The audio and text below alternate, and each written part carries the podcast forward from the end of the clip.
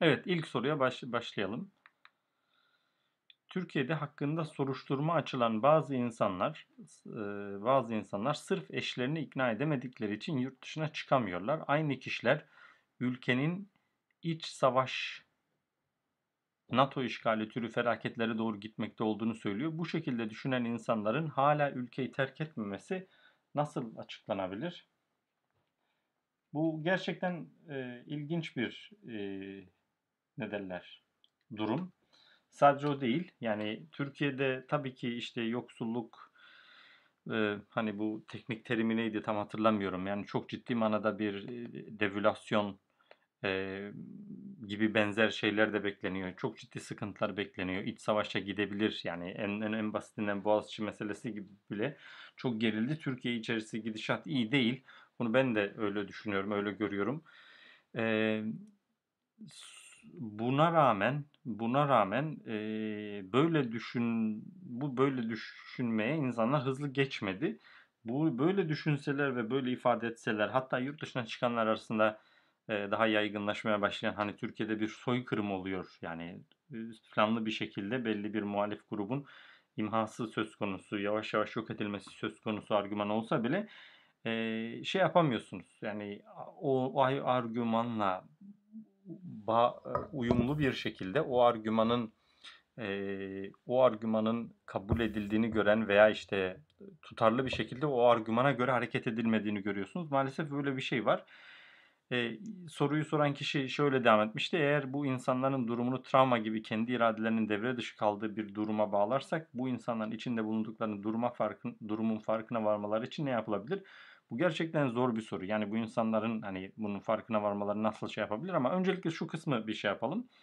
E, rasyonel düşüncenin ciddi manada devre dışı kalması söz konusu. Yani mesela insanlar e, darbeden sonra da yani durumlar kötüleşmeye başladıkları başladığı andan itibaren de aslında ha bitti ha bitecek diye bir beklenti içerisindeydiler. 4 sene 5 sene geçti. O zaman o beklentiyle mücadele ediyordunuz. İnsanlar işte Türkiye'yi tahliye etmeli, cemaatin niye bir tahliye planı yok e, yurt dışına insanlara adaptasyonu için kalıcı olarak kalmaları için e, uğraşılmalı. Hatta ben hatırlıyorum işte gelen insanlar mesela Ankara Anlaşması, iş vizesi, şu vizesi, bu vizesi gibi şeylere başvuruyordu İngiltere'de bile. Neden ilticaya başvurul, başvurmuyorsunuz diye insanları ben kendim birçok bir insana avukata götürdüm, anlattırdım ama olmuyordu maalesef. İnsanlar ha döndük ha döneceğiz mantığıyla bu yavaş yavaş kaynayan suda haşlanan kurbağa psikolojisine de girmiş olabilir. Rasyonellik bir manada de, devre dışı kalıyor. Belki çok içinde olduğun için yavaş yavaş değiştiği için belki bir çaresizliğin sebebi var. Yani bence tutuklamaların bir kısmı işte aileden birini tutuklayınca ailenin geri kalanının yurt dışına çıkamamasına sebep olabiliyor gibi. Hani bir insanı bir yere bağlamak onun ailesinin hani birini hapishaneye alıyor orada e, mahkum ediyor dışarı çıkmasına engel oluyor. Diğerlerinin de o hapishanede diye, eşi hapishanede diye dışarı çıkmasına engel olmuş oluyor. Böylece pek çok insan aslında Türkiye'ye hapsetmiş oluyor. İşte pasaportları iptal ederek Türkiye'ye hapsediyor.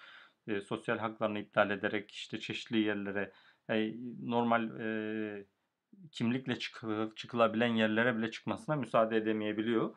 Bütün bunlardan ötürü, insanların yaşadığı travmadan ötürü belki insanlar tam olarak o zor bir karar, yurt dışına çıkma kararını tam olarak onu alamıyor ama Özellikle dışarıda bir yandan insanların soykırımdan bahsederken öte yandan da bu soykırıma uygun tedbir almaması. Yani şimdi Bülent Keneş de bu konuda yazdı. Ben de yazıyordum bu konuda. Yani 2017'de ilk e, Genocide in the Making diye bir belgesel yapmıştım. Hani kısa 10 dakikalık e, İngilizce. Orada da çok bariz belli olan bir şey var ki bir bir soykırım yapılmaya başlıyor. Yani insanlar buna göre önlem almalı. Yani buna göre çeşitli e, insanları kurtarmaya çalışmak ve buna göre tedbirler almak zorundasınız. Buna göre derdinizi, sıkıntınızı anlatmak zorundasınız. Bu argüman o zaman belki çok kabul görmemişti ama şimdi evet Türkiye'de yaşanan teknik anlamıyla soykırım tanımına giren bir şey, yapılmakta olan bir soykırım. Ama yine bunu anlatıp yani bunu mağduriyet olarak dile getirirken bile insanlar buna yönelik yani bu ciddiymiş gibi de hareket etmiyor. Bir yandan da yani ne zaman görevimize iade edileceğiz? Arkadaşlar dayanın hepiniz görevinize geri döneceksiniz göreceksiniz gökten bir el şöyle olacak böyle olacak filan. Böyle bir tutarsızlık olduğu muhakkak. Belki insanlara biraz zaman vermek lazım. Ee, yani herkesin kendince uyandığı bir şey var. Eee, biz bir ara Musa Aleyhisselam kıssasını konuşurken eee, eee, Kerim Balcı'yla izlemediyseniz o videoyu izleyebilirsiniz. Buna benzer bir meseleyi de ele almamıştık ama Musa Aleyhisselam kıssasında şöyle bir şey benim dikkatimi çekiyor. Şimdi biliyorsunuz Musa Aleyhisselam kıssasında yani bugüne benzer bir şey olduğu için söylüyorum. Şimdi e, Yahudiler o dönem İsrailoğulları Mısır'da köle olarak bulunuyorlar. En kötü şartlarda bulunuyorlar. Sosyal hakları yok, hiçbir şeyleri yok. Gettolarda yaşıyorlar, inşaatlarda zorla çalıştırıyorlar filan filan. Hiçbir hakları yok. E, hatta erkek çocukları öldürülüyor yani tehdit oluşturulmasın diye kız çocukları devamlı esir ediliyor filan gibi e, hizmetçi olarak kullanılıyor. Neyse bütün bu şeylerle beraber Musa Aleyhisselam bu insanları oradan kurtarmak ve Kenan iline e, götürmek için geldiği zaman e, bir dizi musibet geliyor Mısır'da herkesin başına geliyor. E, bu bir dizi musibeti biz hep yani Musa Aleyhisselam kavmini oradan çıkarmak istiyor. Kavmi de o, o zulümden bıkmış çıkmak istiyorlar. Ama e, onlara müsaade edilmiyor. Onlara müsaade edilsin diye Mısırlıların başına işte kurbağa yağıyor, Kızıldeniz şey Nil Nehri kızıl çamur akıyor, şöyle oluyor, böyle oluyor filan gibi şeyleri hep o şekilde okuyoruz. Yani Mısır halkı veya Firavun e, İsrailoğullarını, Yahudileri bıraksın diye Allah'ın onlara gönderdiği musibetler diye okuyoruz ama bence te, tam olarak öyle değil. Bence diyelim ki Allah e, İsrailoğullarını Mısır'dan çıkarıp e, şeye götürmek istiyor. Kenan iline yerleşmelerini, İsrail'e, Filistin'e neyse yerleşmelerini istiyor. Ama bu insanlar bu yolculuğu yapmak istemiyor. Çünkü insanlar alışmış. Kötü durumda olsa bugün bile Türkiye'deki en kötü şartlarda yaşayan insanlar Türkiye'yi terk etme fikrini kolay kolay hazmedemeyebiliyor. Bence buna benzer bir sıkıntı var. Aynı bunun gibi ne kadar arka arkaya devülasyon oluyor, sıkıntı oluyor, KHK'lar oluyor, bilmem ne oluyor. Durumun iyi gitmeyeceği çok bariz belli. Önünde daha da karanlık her gün. Yani e, Covid işte yeni şeyiyle de daha tehlikeli bir hale geldi. İngiltere'de buna tepki gösteriyor. Türkiye gibi bir yerde e, durumlar ekonomik olarak da e, sosyal olarak da daha da zorlaşacak. Hala daha Türkiye'nin başına gelen her meseleden ötürü yine cemaat mensupları, KHK'lılar mağdur ediliyor. Boğaziçi kapatılırken bile sağda solda işte ya bak Işık Üniversitesi, Fatih Üniversitesi şu bu kapatıldı diye araya kendi gündeminizi sokuyorsunuz ama hala daha ona bile siz bir susun hele Zaten sizin yüzünüzden başımıza çıktı diye onun da faturası da cemaati çekiliyor. Hatta bir birinin yazdığı gibi yani bugün bile polis oraya kelepçe taktı şey Toygun Atilla mı ne yazdı? Yani bu bile e, bu, buna iyi bakın bu işte kripto cemaatçilerin yaptığı bir şey olabilir şeklinde bir e, ya, bakma var. Yani bu şu demek ülkenin başına ne gelirse gelsin bundan ötürü ha, ha, hali hazırda bir günah keçisi var ve bu günah keçisine daha fazla yüklenileceği kesin. Bundan ötürü de daha fazla sıkıntı geleceği kesin. Ama ama bir bakıyorsunuz sonuç itibariyle bir cemaatçiler açısından, cemaat mensupları açısından maalesef bir değişme yok. Yani bir şey yok. Bence Musa Aleyhisselam'ın kıssasına benzeyen tarafı da bu. Yani arka arkaya işte mesela e, kuyuların suyu çekiliyor, kan akıyor, Mısır, Nil Nehri, şu bu susuzluk yaşıyorlar, hastalık yaşıyorlar, e, çekirge istilası yaşıyorlar. Ama bütün bunlar Mısırlıları bıktıran şeyler olduğu gibi Yahudileri de bıktıran şeyler ama bence buna rağmen Yahudiler bir türlü çıkmak istemediler. Yani Allah'ın diyelim Yahudilerle ilgili bir planı var. İsrailoğullarla ilgili Musa Aleyhisselam gelecek, İsa Aleyhisselam gelecek filan Filistin'e gitmeleri lazım.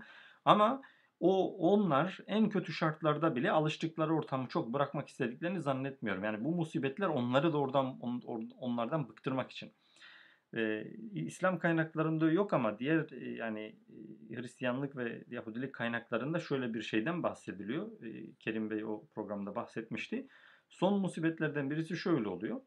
E, Musa Aleyhisselam diyor ki kavmine çok büyük bir musibet gelecek diyor. Siz diyor şöyle bir musibet her evden erkek çocuklar ölecek. Evden bir erkek çocuk mu ölecek veya erkek çocukların tamamı mı ölecek veya çocuklar ölecek yani bir şekilde böyle bir şey var. Kendinizi muhafaza etmek istiyorsanız diyor herkes bir koç kurban edip kapısını işaretlesin diyor. Yani kendi kavmini bu şekilde uyarıyor. Bunu aynı şekilde Yahudileri şeyleri Firavun'u da uyardığı söyleniyor. Bak bizi bırakmazsan çoluk çocuk ölecek yani herkes her aileden bir bir kişinin canını alacak Allah diye. E, nihayetinde doğru mudur yanlış mıdır hani Kur'an'da geçmediği için İsrailiyattan olduğu için doğruluğu şüpheli ama hani musibetler hep böyle bir sürü insan susuzluktan, açlıktan, vebadan, taundan filan ölüyor nihayetinde. Bu da onların bir uzantısı olarak düşünmek lazım. Nihayetinde o gece gerçekten Kıptilerin yani Yahudi olmayanların, kurban kesmeyenlerin, belki Yahudiler içerisinde de Hazreti Musa'ya inanmayan, bak bu adam düne kadar zaten sarayda yaşıyordu, şimdi geldi bize fitne çıkarıyor falan diye de düşünenler vardı muhtemelen. Kurban kesmeyip kendini garanti almayanlar da vardı. Onların çocukları ölünce birden herkes ne yapması gerektiğini biliyor. Kıptiler diyor ki ya nalet olsun gidin diyorlar. Bırakıyorlar Yahudileri. Yahudiler de artık daha da kötüsü olabilir korkusuyla bence şey yapıyorlar. Yani bu bıçağın iki tarafı keskin bir hikaye bu. Yani bunun gibi bir şey. Yani olaylar o kadar kötüye gidecek. O kadar, eğer diyelim ki bunu biraz ters okuyun. Allahu Teala yeryüzünde işte İslam'ın yeniden temsilini murad ediyor. Bunun için işte bir nüve bir cemaate ihtiyacı ihtiyaç var. O, o yani boyunduruğu yerden kaldıracak birisi. Bu tabii ki Türkiye'de Çemişgezek'te e, işte bilmem filan ilçede şurada burada olmakla yetmiyor. Dünyanın dört bir tarafında olacak. O zaman bir grup insanın zorla güçle böyle veya istekli olarak hicret etmesi, dünyanın dört bir tarafına yayılması lazım. Zaten hizmet hareketi başlangıçtan beri Fethullah Gülen hep bunu vurguluyor, bunu söylüyor, bunu anlatıyor. E, bu gönüllü olarak bir yere kadar oldu. Şimdi 15 Temmuz şartlarında sanki cemaatin Türkiye'de önümüzdeki 5-10 yıl içerisinde yapacak hiçbir şey yok zaten. Çıkıp gitse daha iyi olacak gibi bir durum varken bile insanlar çıkamıyor. Ben biraz bunu buna benzetiyorum. Yani ne kadar kötü senaryolar olsa bile insanlar bir türlü e, mevcut e, durumu, statükoyu değiştirecek kararı alamıyorlar, çıkamıyorlar. Çıkanlar geri dönme e, bırakamıyor. Yani oysa bir bakıyorsunuz yani büyük medeniyetler, büyük devinimler hep bu tarz hicretlerle olmuş, bu tarz göçlerle olmuş. Bu göçten korkmamak lazım. Ama maalesef hemen bir şey yok. Bir bunu bunun olmadığını görüyorsunuz. Bence insanlara bu manada zaman vermek lazım, ikna etmeye çalışmak lazım, rasyonel düşünmeye sevk etmeye çalışmak lazım. Ama nihayetinde ben çoğu insanın yani bir manada hizmet hareketinin ilerleyen yıllarında böyle bir bölünmesine sebep olacak bir şey olarak diye de düşünüyorum. Yani bölünmesinden kastım şu.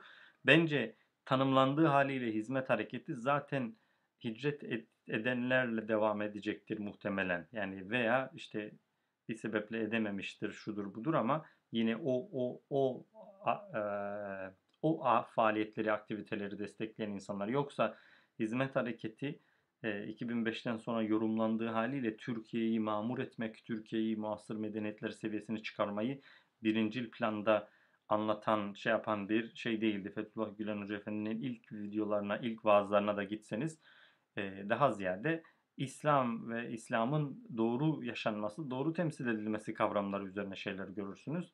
Bunun dünya çapında bir ölçekte görürsünüz. Türkiye tabii ki başlangıç olarak e, cemaatin e, oluşum, oluşması, olgunlaşması, belli bir özgüvene e, ulaşması açısından önemli bir nokta ama bence cemaatin artık Türkiye'den uzaklaşması lazım. Bu Türkiye'dekiler için de iyi, cemaat için de iyi. İleride daha sağlıklı bir ilişki kurulması açısından da daha iyi bir seçenek diye düşünüyorum.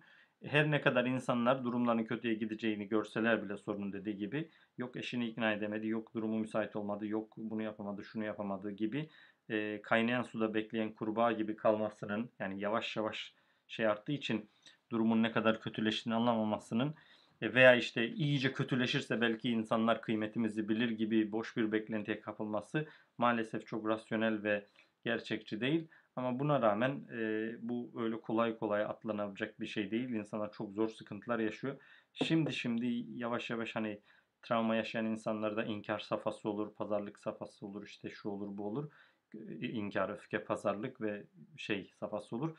Yani sanki ikinci, üçüncü safhaya geçildi gibi insanlar daha ziyade artık bu musibet başımıza geldi ama bak Allah bizi dünyanın dört tarafına yaydı gibi bu musibetin içerisindeki faydalı şeyleri görme eğilimine girmeleri girmeye başladılar. Bu bence biraz işte bu üçüncü aşamaya geçmenin bir de dördüncü aşamaya geçti mi artık bu yeni reel duruma göre hareket etmeye başlayacaklardır. Biraz daha zaman istiyor olabilir. Büyük değişiklikler, büyük devinimler bu konuda uzun uzun yani hicret, göç, şu bu gibi neden cemaat hicret etmiyor, göç etmiyor filan konularla ilgili çok video yaptım. Onlara da bakabilirsiniz. Evet, umarım faydalı olmuştur. Bu soruya bu kadarla yetinip bir sonraki soruya geçiyorum. Evet. Bir sonraki soru. Alparslan Kuytul'un bu kadar öne çıkmasının altında bir şey aramak paranoya mıdır? Masumları savunması, zulme karşı durması kendisini desteklemek için yeterli midir? Nasıl bir tutum sergilemek gerekir? Cemaatin ya da bireylerin potansiyel bir gruba sahip çıkmasının yurt dışında hizmet hareketine bir zararı olabilir mi?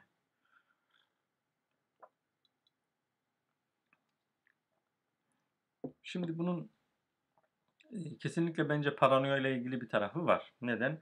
Çünkü özellikle şu an cemaat mensupları en güvendikleri kaynaklar tarafından bir şekilde offside'a bırakılmış, kandırılmış veya karanlıkta bırakılmış, ne olduğunu anlayamamış, kafasında şey yapamamış bir durumda. Yani 15 Temmuz gibi bir şey oldu. Üzerinden 4-5 yıl geçti. Hala insanların aklında, kafasında tam olarak cemaat o gece nerede nasıl durdu, kim nerede nasıl durdu, ne yapmaya çalıştı, ne oldu, ne bitti konusunda netlik yok. Bu ciddi bir paranoya oluşturuyor.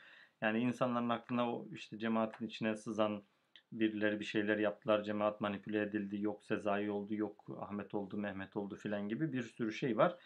Ee, bence bu manadaki bir travmanın insanları paranoya sevk ettiği muhakkak. Bundan ötürü e, cemaat mensuplarında herhangi birisi çıktığı zaman dur bakalım arkasından ne çıkacak? Bu da kimin adamı? Bu da şunun adamı olabilir mi? Bu mitçi mi? İşte mesela çok iyi bildiğin, tanıdığın insanlar organik bir şekilde sağda solda konuşulan şeyler konusunda sesli konuşmaya başladığı zaman bu zaten baştan beri mitçiydi. Kafana göre haber yapmadığı zaman bu zaten şöyleydi, bunun yulafı kesildi, şöyle oldu, arpası kesildi, böyle oldu, maaş alırken demiyordu tarzı hemen bir eğilime gitmesi böyle yani senle uğraşan her şey mutlaka art niyetli ve yıllarca komplolanmış şey böyle ne derler yıllarca planlanmış ince komplolanmış 2-3 kademe gizlenmiş meseleler gibi anlamak belki doğrudur bir şey demiyorum ama biraz bu Pakraduni muhabbetinin şey yapması biraz cemaatin kendini çok önemli çok merkezi bir yere koyması çok e, sosyolojinin de dışına bir yere koyulmaya başlamış olması, çok seçkinlik düşüncesi, bundan ötürü çok e, işte sofistike düşmanlara sahip olması gibi şeylerle de ilintili bir tarafı var. Yani bugün e, mesela insanlar duydukları şeylerde yani bu, bu videoyu ben söylemeye başladığımda birisi bir, bir başka videoya yorum yaptı. Ekrana yansıdığı için gördüm. İşte yok bu adam mesela işte tüm videolarında manipülasyon yapıyor. Bunu şimdi iki taraflı duyuyorum ben. İşte cemaat lehine manipülasyon yapılıyor. Bir, bir grup insan diyor ki her şeyi tevil ediyor. Her şeyi aklıyor, tevilci filan. Bir grup insan da bakın bütün işte isimlerini de hatırlıyorum. Mahzar Balkan vardı bir ara ne oldu bilmiyorum. Bir grup insan da inceden ince cemaatin altını uyuyor, yok ediyor, fitne sokuyor, şöyle yapıyor, böyle yapıyor diyebiliyor bütün ikisi de aslında temelde bu korkudan kaynaklanan. Hani yani kendi kafası yani bu bu adam da böyle düşünüyor diyemiyor. Bu adamın kesin arkasında şu vardır, bu vardır gibi bir şeye doğru gidebilen bir e, şey var. Alpaslan Kuytul meselesi meseleyle ilgili de yani bu niye bu kadar öne çıkıyor? Acaba böyle masumları savunması, zulme karşı durması yani bu, bundan ötürü güvenebilir miyiz? E, derin devletin adamı olabilir mi? e, filan e, diye diyebilir. E, böyle şeyler söyleyebilir. E, ama bu çok sağlıklı değil. Bence insanlara karşı bu, bu sorunun devamında şöyle bir şey de var da hani Almanya'da e, yok işte tehlikeli gruplar arasında biliyorsunuz Alparslan Kuytul ekibi demokrasiye filan karşı oy vermeye karşı e, yani politik olarak öyle bir noktada duruyorlar. Yani demokratik, liberal Müslümanlar falan değiller. Dolayısıyla hani İslam anlayışlarından dolayı e, mahsurlu görül, görülen gruplar olarak da kabul edildikleri yerler var. Bu da anlaşılabilir bir şey. Yani kim zaten onlar da mahsursuz gözükelim diye bir kaygıları yok. Geçen bu kanalda da biz bir video yapmıştık. O videonun altına bir sürü insan hayır biz hiç kimseye oy vermedik biz oy vermeye karşıyız diyordu. Demokratik sürece karşıyız filan. Şimdi bunları geçiyorum bir kenara. Bence burada e, böyle şeylerde hani bu bu tarz Alparslan Kuytul veya başka Ahmet Turan Alkan veya işte Ali Bulat şu bu gibi meselelerde insanların yaptıkları ettik, ettikleri şeyleri e, bireysel olarak ele almakta tek tek faydalı işleri için insanları o faydalı işe göre tebrik etmek. Aa, bu çok güzel bir fikir, bu çok doğru bir şey, helal olsun demek de sağlıklı. Zararlı veya kafanıza uymayan bir şey varsa ondan uzak durmakta veya onu çürütmekte veya onun içinde mesafeli durmakta faydalı. Yani bu meseleyi adam haline getirmemek lazım. Yani adam başkadır, fikir başka. Adam bugün böyle düşünür, yarın fikri değişebilir. Anlatabiliyor muyum? Yani dolayısıyla bir adam baştan sona kadar hep haklıydı, hep aynı çizgide, hep aynı şeyleri söyledi. 5 yaşında neydiyse 55'te oydu falan diyemezsiniz. Fethullah Gülen için bile diyemezsiniz. Yani hizmet hareketinde kadın konusu, hizmet hareketinde sosyal medya kullanımı, şudur budur bir sürü mesele var. Fethullah Gülen'in işte filan tarihte o konudaki fikrini değiştirmiştir. Başka bir şeyi takip etmeye başlamıştır diyebilirsiniz. Dolayısıyla öyle bir şey yok. Yani başka e, eskiden savunduğu bir fikri beğenmezsiniz. Şimdi savunduğunuz fikri beğenirsiniz. Bundan ötürü adamla hemen evlilik yapacak derecede bir şey kurmanıza da gerek yok. İlişki kurmanıza da gerek yok. Yani uzun vadeli e, bağlayıcı şeyler kurmanıza gerek yok. Doğru fikirlerini destekleyip yanlış fikirlerinden uzak durmak. Fikir bağlamında düşünmek. Zaten adam bağlamına indirgediği zaman ad hominem denir. Yani birisi bu adam muzır bilmem ne şu bu gibi konuşmaya başladı. Bugünkü tartışmaların hepsini uygulayabilirsiniz. Yani Ahmet Duran Alkan bir şey söyledi. Direkt vay şerefsiz, vay hain, vay bilmem ne filan diyorsa o adamı kapatın. Yani o adamı kapatın. Yani onu diyen adamı kapatın. Neden? Çünkü söylediği şey mantıklıdır, mantıksızdır, psikolojisidir, tehdididir, şudur budur. Onu tartışabilir adam. Yani fikri tartışabilirsin ama ondan ötürü vay hain, vay bilmem ne, vay işte e, Zaman Gazetesi'nde bugün birisi yazdı bir yerde. Yok işte huzur hakkı alırken hani para alırken programa katıldığı için ki alıyor muydu almıyor muydu ayrı mesele de yok burs alırken iyiydi yok maaş alırken iyiydi filan gibi herkes hakkında söylenir. Hemen e, adamın kendi kişiliğine, karakterine, kendisine saldırı olur. E, bu o fikri çürütmez ki söylediği yine doğru olabilir. Adam dünyanın en şerefsiz adamı olabilir. Ama söylediği şey doğru olabilir. Ne yapacaksın? Ama böyle bir şeye girme. Yani e, işte Alpaslan Kuytul kendi de başına bir sıkıntı gelen, bir sıkıntı yaşayan bir adam olarak e, katılmadığı halde e, katılmadığı fikirlere de e, hayat hakkı verilmesi gerektiğine katıl yani cemaat fikir, cemaatin hizmet hareketinin felsefesine karşı olmasına rağmen bu yapılan zulümdür diyebilir. Çünkü zulmü görmüş diyebilir. Bundan ötürü onu tebrik edip onunla o, o seviyede bir ilişki kurul, kurulabilir. Yani bu doğru bir fikir. Evet yani damdan düşen halinden damdan düşen anlıyor. Bu şu demek değil. Bunu söylediğine göre bu adam her fikri doğrudur diye yaklaşmak veya öyleymiş gibi yaklaşmak veya dur hele bakalım böyle diyor ama yarın öbür gün geri döner şeklinde paranoyak bir ilişkiye girmek bence mantıklı değil. Ama bu de, dediğim gibi çok derin bir güven travması yaşayan insanların doğal olarak bir de işte süreç içerisinde Pakraduni'dir, şudur budur. Yani Pakraduni nedir yani? Böyle öyle acayip bir şey yani işte yok efendim Ermenidir ama Yahudiymiş gibi gözüküyor da öyleymiş de böyleymiş. Double kripto bilmem ne filan yok. Ee, İranlılar vardı bir ara. Ben bununla ilgili uzun bir şey yapacağım. Neden böyle yapıldığına dair bir, bir fikre, bir kanaate vardım ama kayboldu da. Bir ara dar oligarşik bir kadro vardı. Asıl sorun onlardı. Bak onlar da kayboldu. Erdoğan'ın etrafında dar oligarşik kadro vardı.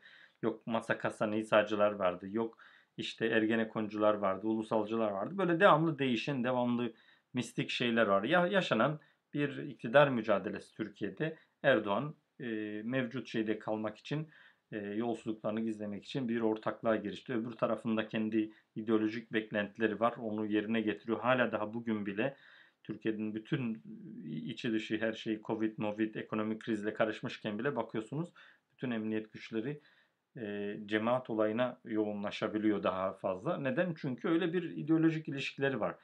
Bütün bunların yarattığı travmadan ötürü herkesle çok ciddi derin bir e, şeye girmeye gerek yok. Tam tersine bir adamın söylediği yani yanlış tarafta yanlış düşüncede yanlış ideolojide bir adam doğru bir şey söyleyebilir.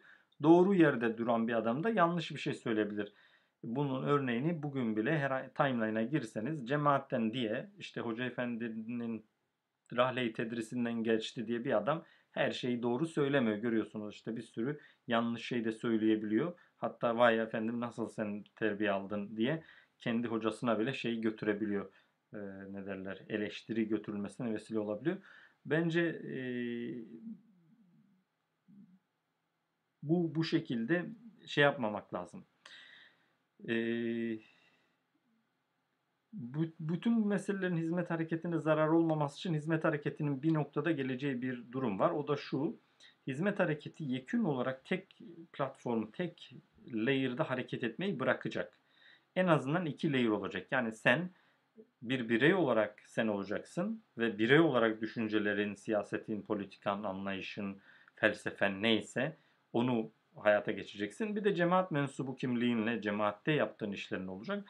Belki cemaatin içerisinde veya dışında değişik düşüncelerdeki insanlar substructure ara bir layer'da başka başka kurumsal ve şey e, kimliklere de dahil olacaklar. Yani mesela bu ufak ufak başladı. Şimdi cemaatteki insanların tamamı eşcinsellikle ilgili belki kafası karışıktır. Kafası karışıktır veya değişiktir veya bu konuyu düşünmemiştir veya e, İslam'ın bir şey söylediğini düşünüyordur. O öyle yaklaşıyordur ama bu süreçte bir yandan da şeye girmiştir. İşte mağdur olmuştur, iltica etmiştir, yurt dışına gitmiştir ve burada amnestiye katılmaya başlamıştır. Şimdi amnestinin duruşu, orada öğre gördükleri şunlar bunlar filan derken adamın yani başka bir kimliği daha hak savunuculuğu yaptığı zaman insan insandır kardeşim. Cinsel kimliğinden ötürü hiç kimseye zulmedilemez noktasına da gelebilir. Yani bu manada cemaatin genelinden farklı düşünmeye başlayabilir. Bence daha sağlıklı bir şey. Bu şekilde değişik kimliklerle değişik şeyler de olacak. Dolayısıyla yani cemaat olarak şu adamın arkasında duralım mı? Cemaat olarak bu adamın arkasında duralım mı? Cemaat olarak şöyle, cemaat olarak böyle diye bakmak zorunda kalmayacak. Cemaat olarak hiç kimsenin arkasında durma. Minimal ol, şu ol, bu ol. Ama birey olarak kimin arkasında durmak istiyorsan ve niye durmak istiyorsan durabilirsin. Veya senin gibi düşünen insanlarla başka başka platformlar altında başka mevzulara yani bugün cemaat çıkıp işte Yemen'de yaşanan kriz için bir şey söyleyemez. Neden durup dururken Suriye ile arasını bozmak isteyemeyebilir?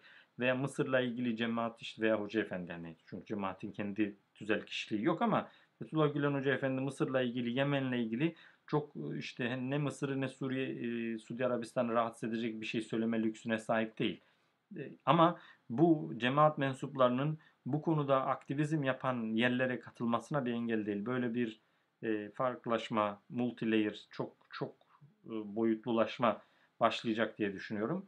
Bu şekilde önü açılacak. Yani cemaat bir hep söylüyorum bir e, yığından bir cemaat haline gelmiş. Buradan şimdi bireyleşmeyi öğrenecek. Birey olarak cemaat kimliğini yeniden keşfedecek ve o, o çoklu kimlikle başka kimlikler, başka şapkalar takabileceğini, başka platformlarda başka doğru bildiği şeyleri de katkıda bulunabileceğini görecek.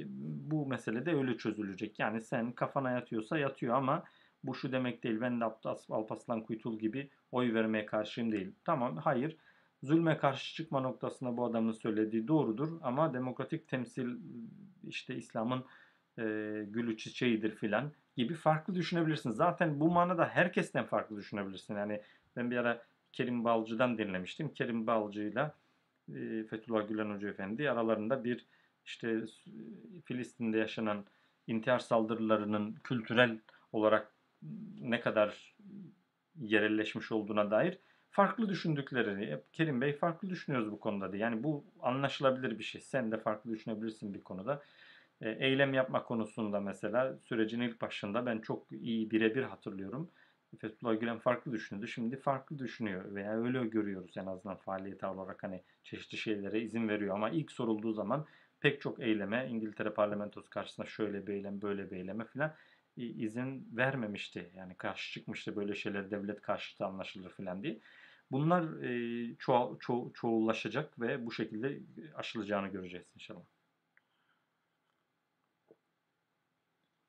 Bu manada hani Türkiye ile cemaat arasında bir fark yok. Yani bu zihinsel bir dönüşüm. Yani bizde nihayetinde Türkiye'nin müsaade ettiği e, şeyin bir e, Türkiye'nin sosyal şartlarının müsaade ettiği kadar gelişebilmişiz. Bu daha da gelişecek, daha da değişecek manasında söylüyorum.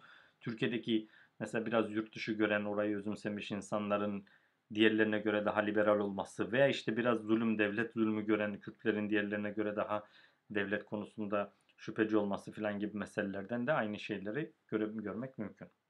Evet, bir sonraki soruya geçiyorum. Hoca Efendi neden çıkıp açıklama yapmıyor? Kimler engel oluyor? 15 Temmuz'un 5. yılında ve hala hizmeti temsil edenlerden bir açıklama yok. Bunun devamında birkaç isim vardı. Soruyu soran arkadaş kusura bakmasın. Yani burada söyleyeyim de hani Harun Tokak, Recep Uzunalli gibi isimler neden çıkıp kanaatlerini belirtmiyorlar. Şimdi hangi konuda ne konuda kanaat belirtecekler, ne açıklama yapacaklar falan bilmiyorum. Ee, ama yani soru çok açık değil ama ben anladığım kadarıyla bir şeyler söyleyeyim. Yani ben de bu soruya başka bir şey söylemek istiyorum. İnşallah doğru bir yere oturur. Öncelikle e, şu şunu bilmekte fayda var. Niye bunlar çok yaygın değil? Bu da ayrı bir araştırma konusu onu söyleyeyim. Bir, Fethullah Gülen Hoca Efendi darbenin olduğu gece Türkiye'deki pek çok siyasi liderden evvel darbeyi telin eden bir açıklama yayınladı. Bu açıklama AFSV tarafından bütün medyaya geçildi. Kendi web sitelerinde de yayınlandı. O zamanlar AFSV'yi çok insan takip etmiyordu. Ben Center for Hizmet Studies de direktör olduğum için tanıyorum. Bana da o e-mail geldi. Ben de mesela AFSV'den yani nihayetinde onlara ilettim ama onlara da gitmiş zaten CHS olarak her yere. Mesela BBC bu konuda görüş istedi diyelim. E-mail geldi. AFSV'de dedi ki biz bu konuda bir basın açıklaması yayınlayacağız dedi. Yarım saat 45 dakika sonra bir basın açıklaması yayınladılar. Yani toplamda darbe başladı, darbe olduğu belli oldu, şu oldu, bu oldu. 2 saat kadar sonra Fethullah Gülen demokrasinin yanında olduğuna dair bugün de gitseniz bulabilirsiniz. Bu açıklama yayınlandı ve BBC o dakikadan itibaren diğer bütün şeylerde cemaat Fethullah Gülen veya Gülen cemaati bu iddiaları reddediyor diye vermeye başladı. Ondan evvel henüz bu konuda bir cevap alamadık gibi bir hani işin en canlı ve kanlı olduğu dönemde çok ciddi bir yani doğrudan yayınlama bir tweetle yapılabilecek bir yalanlama gelmedi. Yani hatta o kadar öyle ilginç ki malum işte e, o, o esnada Alp Bey mesela dışarıda alışverişteydi, piknikte miydi bir yerdeydi. Bir an hızlıca işte olaylara hakim olmaya çalıştı. Ne oluyor ne bitiyor. Amerika'da biraz öğleden sonra vakitler filan ikindi saatleri. Yani olaya hakim olması, basın açıklamasının yayınlanması, o metnin hazırlanıp bütün basına geçmesi ve basının bunu tekrar etmesi. Ama mesela bundan cemaat mensuplarının da haberi yok maalesef. Bu, bu dersin ki ya işte insanın işi değil bu takip etmiyor olabilir filan. Ben ona da bir şey demiyorum. Ama daha sonrasında da çeşitli açıklamalar yaptı. İnsanlar mesela işte darbeyi reddetti, uluslararası komisyon kurulsun, ben giderim işte şöyle yaparım böyle yaparım gibi darbe bir tiyatrodur dedi işte yani bu tarz açıklamalar yaptı. Mesela Türkiye'deki pek çok insanın bunlardan da haberi yok. Neden darbeyi yalanlamadı veya katılmadıklarını bunlardan da haberi yok. Hadi bütün bunları geçtiniz. E, sonrasında e, Fethullah Gülen Hoca Efendi Çağlayan'da bir 5-6 aylık bir sessizlikten sonra Çağlayan dergisi çıkarıp oradaki başyazılarında çok ilginç şeyler söyledi. Ben uzun uzun o başyazıların analizini yaptım. Hiçbirini göremiyorsanız e, acıyorum yazısının e, şeyine sadece benim yaptığım yorumuna bakabilirsiniz. Yani diğerlerinin de ne söylediğini özetlediğim için.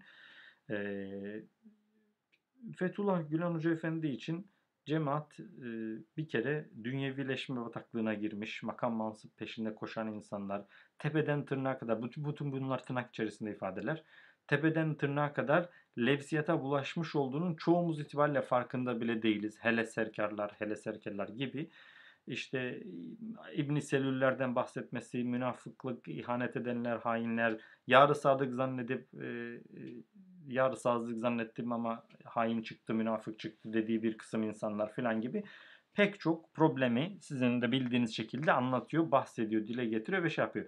Bunun da cemaat tabanında bir karşılığı yok. Yani bugün bu sorunun gelmesinde de şey. Yani ben ben de mesela bir araştırmacı olarak hep buna hayret ediyorum. Sağda solda hususi bir yerde bir şey söylemiş, şöyle demiş, işte bir rüya görmüş bilmem ne diye hemen herkesin kulağına gidiyor meseleler.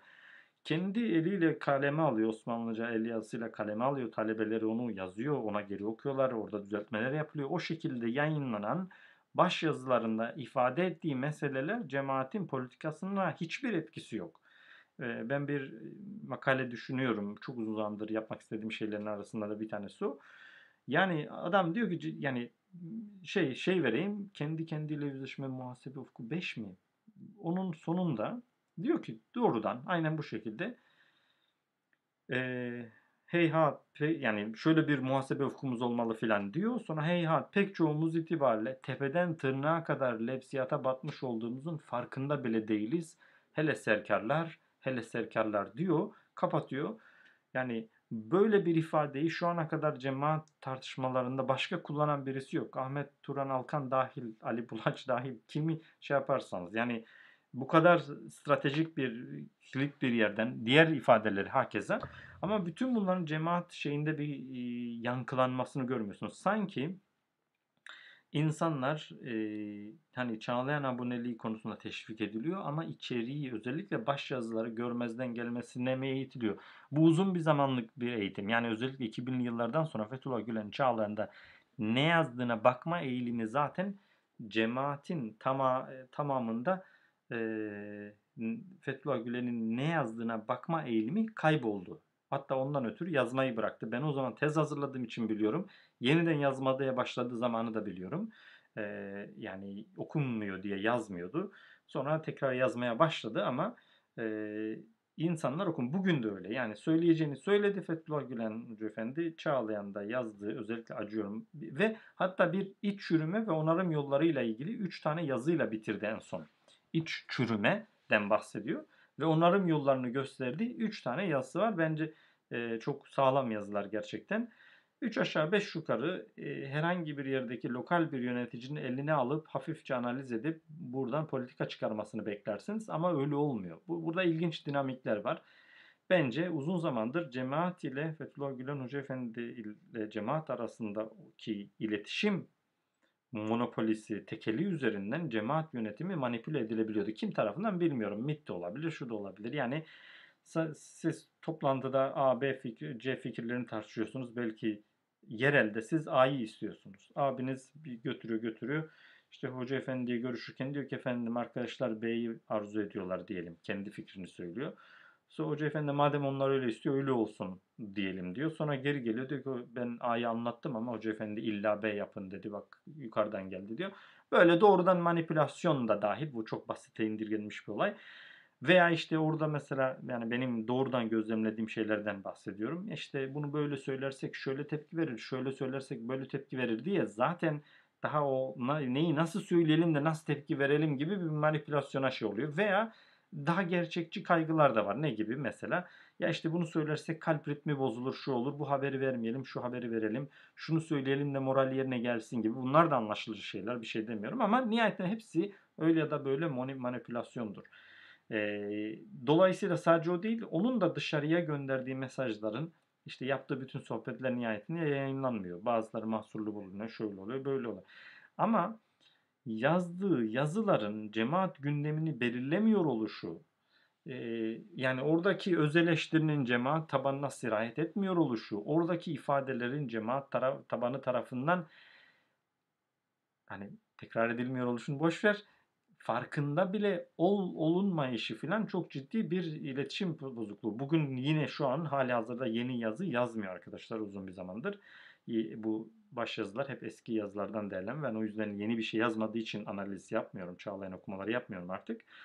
E, çünkü okunmuyor zaten. Yani dolayısıyla adam hani darbe gecesi yayınladığı metin okunmuyor. Ertesi gün verdiği basın açıklaması didik didik edilmiyor. Mesela onu okusanız ertesi gün darbeden sonra verdiği açıklama bu, bu yine bu videolarda bulabilirsiniz. Tekrar aynı şeye girmek istemiyorum ama yani 17-25'e getiriyor lafı. Onu yapanlar da vatana millete ihanet etmiştir diyor. Şimdi ne demek istiyor? Nereye getiriyor? Nasıl bir şey? Niye tiyatro dedi? Bu bilgileri birleştirdiğiniz zaman cemaat içerisinde Fethullah Gülen Hoca Efendi bir grup insanın ciddi manada bir şey bazı mihraklar adına e, manipülasyon yaptığına ve ihanete bulaştığına, hizmete de ihanet ettiğine falan mı düşünüyor? Mülane ile bunun ne alakası var gibi sorular birleştirdiğinizde çok acayip bir şey çıkıyor ama Sonuç itibariyle bunun birinci kısmı şu. Bence Fethullah Gülen açıklama yapıyor ama cemaatle olan irtibatını kaybetti. Cemaat açısından cemaat Fethullah Gülen ne diyecek, ne yazacak diye kulağını kirişe dayamış onu dinliyor halde değil. Eskiden böyleydi. Yani Hacı Kemal Erimez dinlerdi. Tak diye ne dediyse uygulardı. Şu an öyle değil. Şu an Hoca Efendi'nin istediği yani senin kafana yatan bir şey söylediği zaman diyelim ki bir eleştirenlerle ilgili bir şey söyledi. Bunu hemen her yere yayan adamlar var. Yani kafasına göre kendi kafasına uygun bir şekilde bir şey söylediği zaman bunu yayıyor. Diğerlerini e, yaymıyor. Bu şekilde yayılırsa da gözden düşüyor. E, bunları işte şuna söyledi, buna söyledi, bize söylemedi gibi e, yorumlara giriliyor ve bir şekilde o e, o da manipüle ediliyor diye düşünüyorum. Bu olayın birinci boyutu. İkinci boyutu şu. Hizmet hareketi adına önde gelenler neden bunu yapmıyor filan. Burada ikinci bir sorunlu durum ortaya çıkıyor. Hizmetin tüzel kişiliğini temsil eden insanlar var. Temsil edebilecek kapasitede insanlar da var. Ve bu insanlar yoğun baskılara rağmen bununla ilgili de Almanya Şeffaflık Toplantısı diye bir video aratın izleyin. Yoğun baskılara rağmen kim olduklarını açıklamıyorlar. Hepsi de çatı davasında hizmetin en önde gelenleri olarak yargılanıyorlar. Sayılarıyla ilgili muhtelif rivayetler var ama bu adamlar heyet biziz, hizmet hareketiyle ilgili meselelerden istişaresine biz katılıyoruz, biz fikir veriyoruz danışırken, biz uygulamaya çalışıyoruz. Bir sıkıntınız varsa bize gelin demesi lazım demiyorlar. E, olay, olayların sorumluluğun altına girmiyorlar fi, fiilen. Yani fiilen yönetim işini yapıyorlar ama sorumluluk altına girmiyorlar. Sorumluluk alt yani sorumluluk altına sokacak imza, bilinirlik şu bu gibi yani şeylere girmiyorlar. Yani bugün bu adamlar 2 yıl evvel, 3 yıl evvelki toplantıda kabul etselerdi ve heyet şu şu adamlardan o bel, müteşekkildir diye bir açıklama yapılsaydı biz de onları bilseydik bugün derdik ki geçen yıl ne yaptınız, ondan önceki yıl ne yaptınız? Böyle bir sorumluluk kültürü oluşmaya başlardı. Belki ondan kaçıyorlar. Belki bilmediğimiz başka şeyler dönüyor filan. Bu manada hizmeti kimin temsil ettiği belli değil. Bu manada hizmeti kimin temsil ettiği belli değil. Bu konuda e, bariz bir mücadele söz konusu. E, söylenen şeylere ağırlık vermemek için ben o muhabbetlere doğrudan sadece bir argümanı dile getirerek hiçbir zaman girmemeye başladım. İşte yok efendim heyet 6 kişiymiş, 7 kişiymiş, 11 kişiymiş, 35 kişiymiş gibi şeylerin hepsini ifade ve iddia olarak söylüyorum. Ama realitede şu, işin doğrusu 15 Temmuz'dan beridir Fethullah Gülen Hoca Efendi geçen Ali Yurtsever programda söyledi. Yani şey yaptı orada. Heyet toplantılarının ve sonuçlarının istişaresiyle ilgilenmiyor. Yani bir başka manasıyla Fethullah Gülen Hoca Efendi eskiden olduğu gibi eskiden de öyle miydi değil miydi onu da bilmiyoruz ayrı mesele. Öyle olduğuna dair bir intiba vardı. Heyet tartışıyor. E, gündemler, kararları Fethullah Gülen Hoca Efendi ibraz ediyorlar. O da onaylıyor. O da gündem olarak insanlara gidiyordu diye bir iddia var. Ama eğer böyleydiyse belki hiç uzun bir zamandır karışmıyor. Çok uzun bir zamandır Fethullah Gülen'in cemaat yönetimine dair yaptığı en açıktan müdahale yani muavenet çağlayan ve e, duada derinleşme gündemlerini takip haricinde yaptığını Amerika'da yaptı. E, Amerika'nın yönetimiyle ilgili yaptığı değişiklik o yüzden gündeme taşıdı. Ondan sonra da yeni bir şey bildiğim kadarıyla yok. Böyle bir şey de var. Yani cemaatin e, tüzel kişilik problemi de var maalesef. E, tüzel kişilik problemi Cemaat içerisinde benim ta Erkam Tufan röportajında dile getirdiğim gibi yani işte Alparslan Kuytulu MİT ele geçirmeye çalışıyor, menzilcileri ele geçirmeye çalışıyor, Cübbeli ele geçirmeye çalışıyor, bütün cemaatleri ele geçirmeye çalışıyor. Bunları konuşuyoruz. Çok güzel. Cemaati ele geçirmeye çalışıyor mu? Bence çalışıyor. Bu konuda mesafe almış mı? Bence almış. En kritik noktalara kadar Adil Öksüz benim benim benim anladığım haliyle en azından Adil Öksüz ve mutlaka da şu anda da onu koruyan bazı insanlar e, MIT'e, devlete, değişik fraksiyonlara şuna buna çalışıyorlar diye düşünüyorum. Başka türlü bir öğretmenin bile tutuklandığı bir yerde Adil Öksün çıkması, kurtarılması, şu yapması, bu yapmasını izah edecek devletin işbirliği olmaksın izah edecek hiçbir teori yok. O işbirliği, o adamın arkasının kullanılması, şusu busu ve o adamın hizmet hareketinin en kritik noktasına kadar gelebilmiş olması, onun gibi işte Kemalettin Özdemir şu gibi uzun insanların böyle yine değişik zamanlarda böyle şeyler olması falan gibi şeyleri de birbirine katınca cemaat içerisinde güçlü bir MIT devlet etkisi manipülasyonu veya organizasyonu söz konusu. Cemaati istedikleri gibi yönetebilmeye yakın işler yaptırabildiklerini düşünüyorum. Ona göre şüpheleniyorum.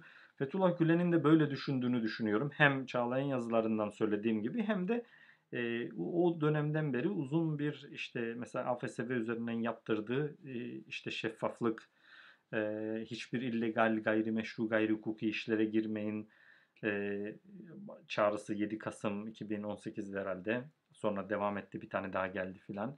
E, yakın zamanda prensipler açıklandı. Ha, bütün bunlar cemaatin gündemine girmiyor çünkü cemaatin gündemini Fethullah Gülen belirlemiyor bence. O, o öyle anlıyorum. Yani Çağlayan belirlemiyor. Söylediği şeyler, bam teli, şusu busu belirlemiyor. Hiç kimse oraya bakıp gündem çıkarmıyor. Tamam mı? Ama ama e, buna rağmen e, uzun bir zamandır çevresi hem de Çağlayan da söylediklerinden ve fiilen çevresindeki insanlarla heyetle şunla buna istişare etmeyişinden benim anladığım cemaatin devletin işte MIT'in bir manada etkisi altına girdiği veya belli bir şey olduğunu düşünüyor. Hatta mülanede de bunu ayrıştırmaya çalıştığını görüyoruz yani e, bence.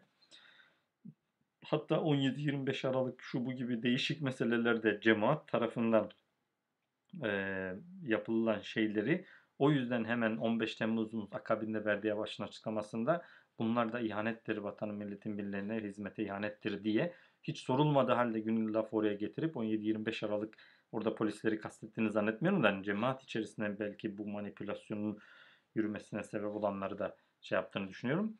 Böyle bir e, böyle bir durum söz konusu. Yani umarım açıklama olmuştur. Yani aslında Fethullah Gülen açıklama yapıyor. Bunun cemaati etkileme kapasitesi çok düşük. Yok denilecek kadar. Daha sıkı çalışılabilir. İmkanlar olsa belki çalışırız ayrı mesele. İki, cemaatin bir tüzel kişiliği yok. Daha ziyade cemaat tüzel kişiliği yani cemaati kimin temsil ettiği, kimlerin temsil ettiği meselesiyle ilgili ciddi kavgalar, gürültüler, mücadeleler var. Ve ben e, devletin çok etkin olduğunu düşünüyorum. Yani bunları herhangi bir fraksiyondan bağımsız olarak söylüyorum. Ne kadar etkin olduğunu bilmiyorum ama çok etkin olduğunu. Bunun çoğu azı da olmaz. Dolayısıyla yani biraz varsa biraz vardır. Nerede olduğunu bilemedikten sonra şeydir. Yani bugün şöyle düşünün. E, ben e, darbeden beri yayın yapan bir insanım. İyi kötü vicdanımın sesiyim. Benim hakkımdaki art niyetli propagandanın onda biri Adil Öksüz hakkında yoktur. Anlatabiliyor muyum? Münafıklığından tut, bilmem neyine kadar cemaat içerisindeki şey, yorumlardan görebileceğiniz şeyler bir kısmı yani çok iğrenç olduğu için siliyorum ama e, yani bu bir şey yani cemaati darbeye bulaştıran adam hakkında cemaat içerisinde mevcut bir koruma e, yani cemaati darbeye bulaştıran derken yani cemaatin darbeyle ilişkilendirilmesine sebep olup sonra ortadan kaybolabilen, devlet eliyle ortadan kaybolabilen bir adam var ortada. O, o adamla ilgili cemaatte ciddi müthiş bir öfke olmasını beklersiniz. Yok öyle bir şey. Yani Fethullah Gülen'de var, Çağlayan'da var. Ee, çok ağır ithamlar İbn Selül'den tut münafıklık önemli. Cemaat tabanında öyle bir şey yok. Çok üst düzey koruması var e, korumasından kastım. Yani kimse ağzını açıp yamuk bir şey söyleyemiyor. Ulan o kadar Ahmet Turan Alkan yarın bir cümle söyleyince tekfir ediyorsunuz da şu adam hakkında açık seçik net bir şekilde yani diyemem. Hani bunun da sebebi var bence. Bunu da bildiğimiz için bir sonraki soru onunla ilgili olduğu için eğer şey yaparsanız onu konuşuruz. Evet böyle iki sorun var. Yani bir Gülen açıklama yapıyor. Aslında bunun cemaat tabanına tesiri yok veya çok az kimse engel olmuyor ama arada bir manipülasyon var. Bir e, filtrele, filtreleme, yorumlama meselesi var. İkinci yorumcul diyorum bir videoda. İkincisi de cemaatin tüzel kişiliğinin olmayışının ortaya çıkardığı çeşitli problemler. Hem ol, olmayışının problemleri hem de onun yaptığı manipülasyonlar söz konusu. Dolayısıyla cemaat böyle e, ilginç bir durum içerisinde.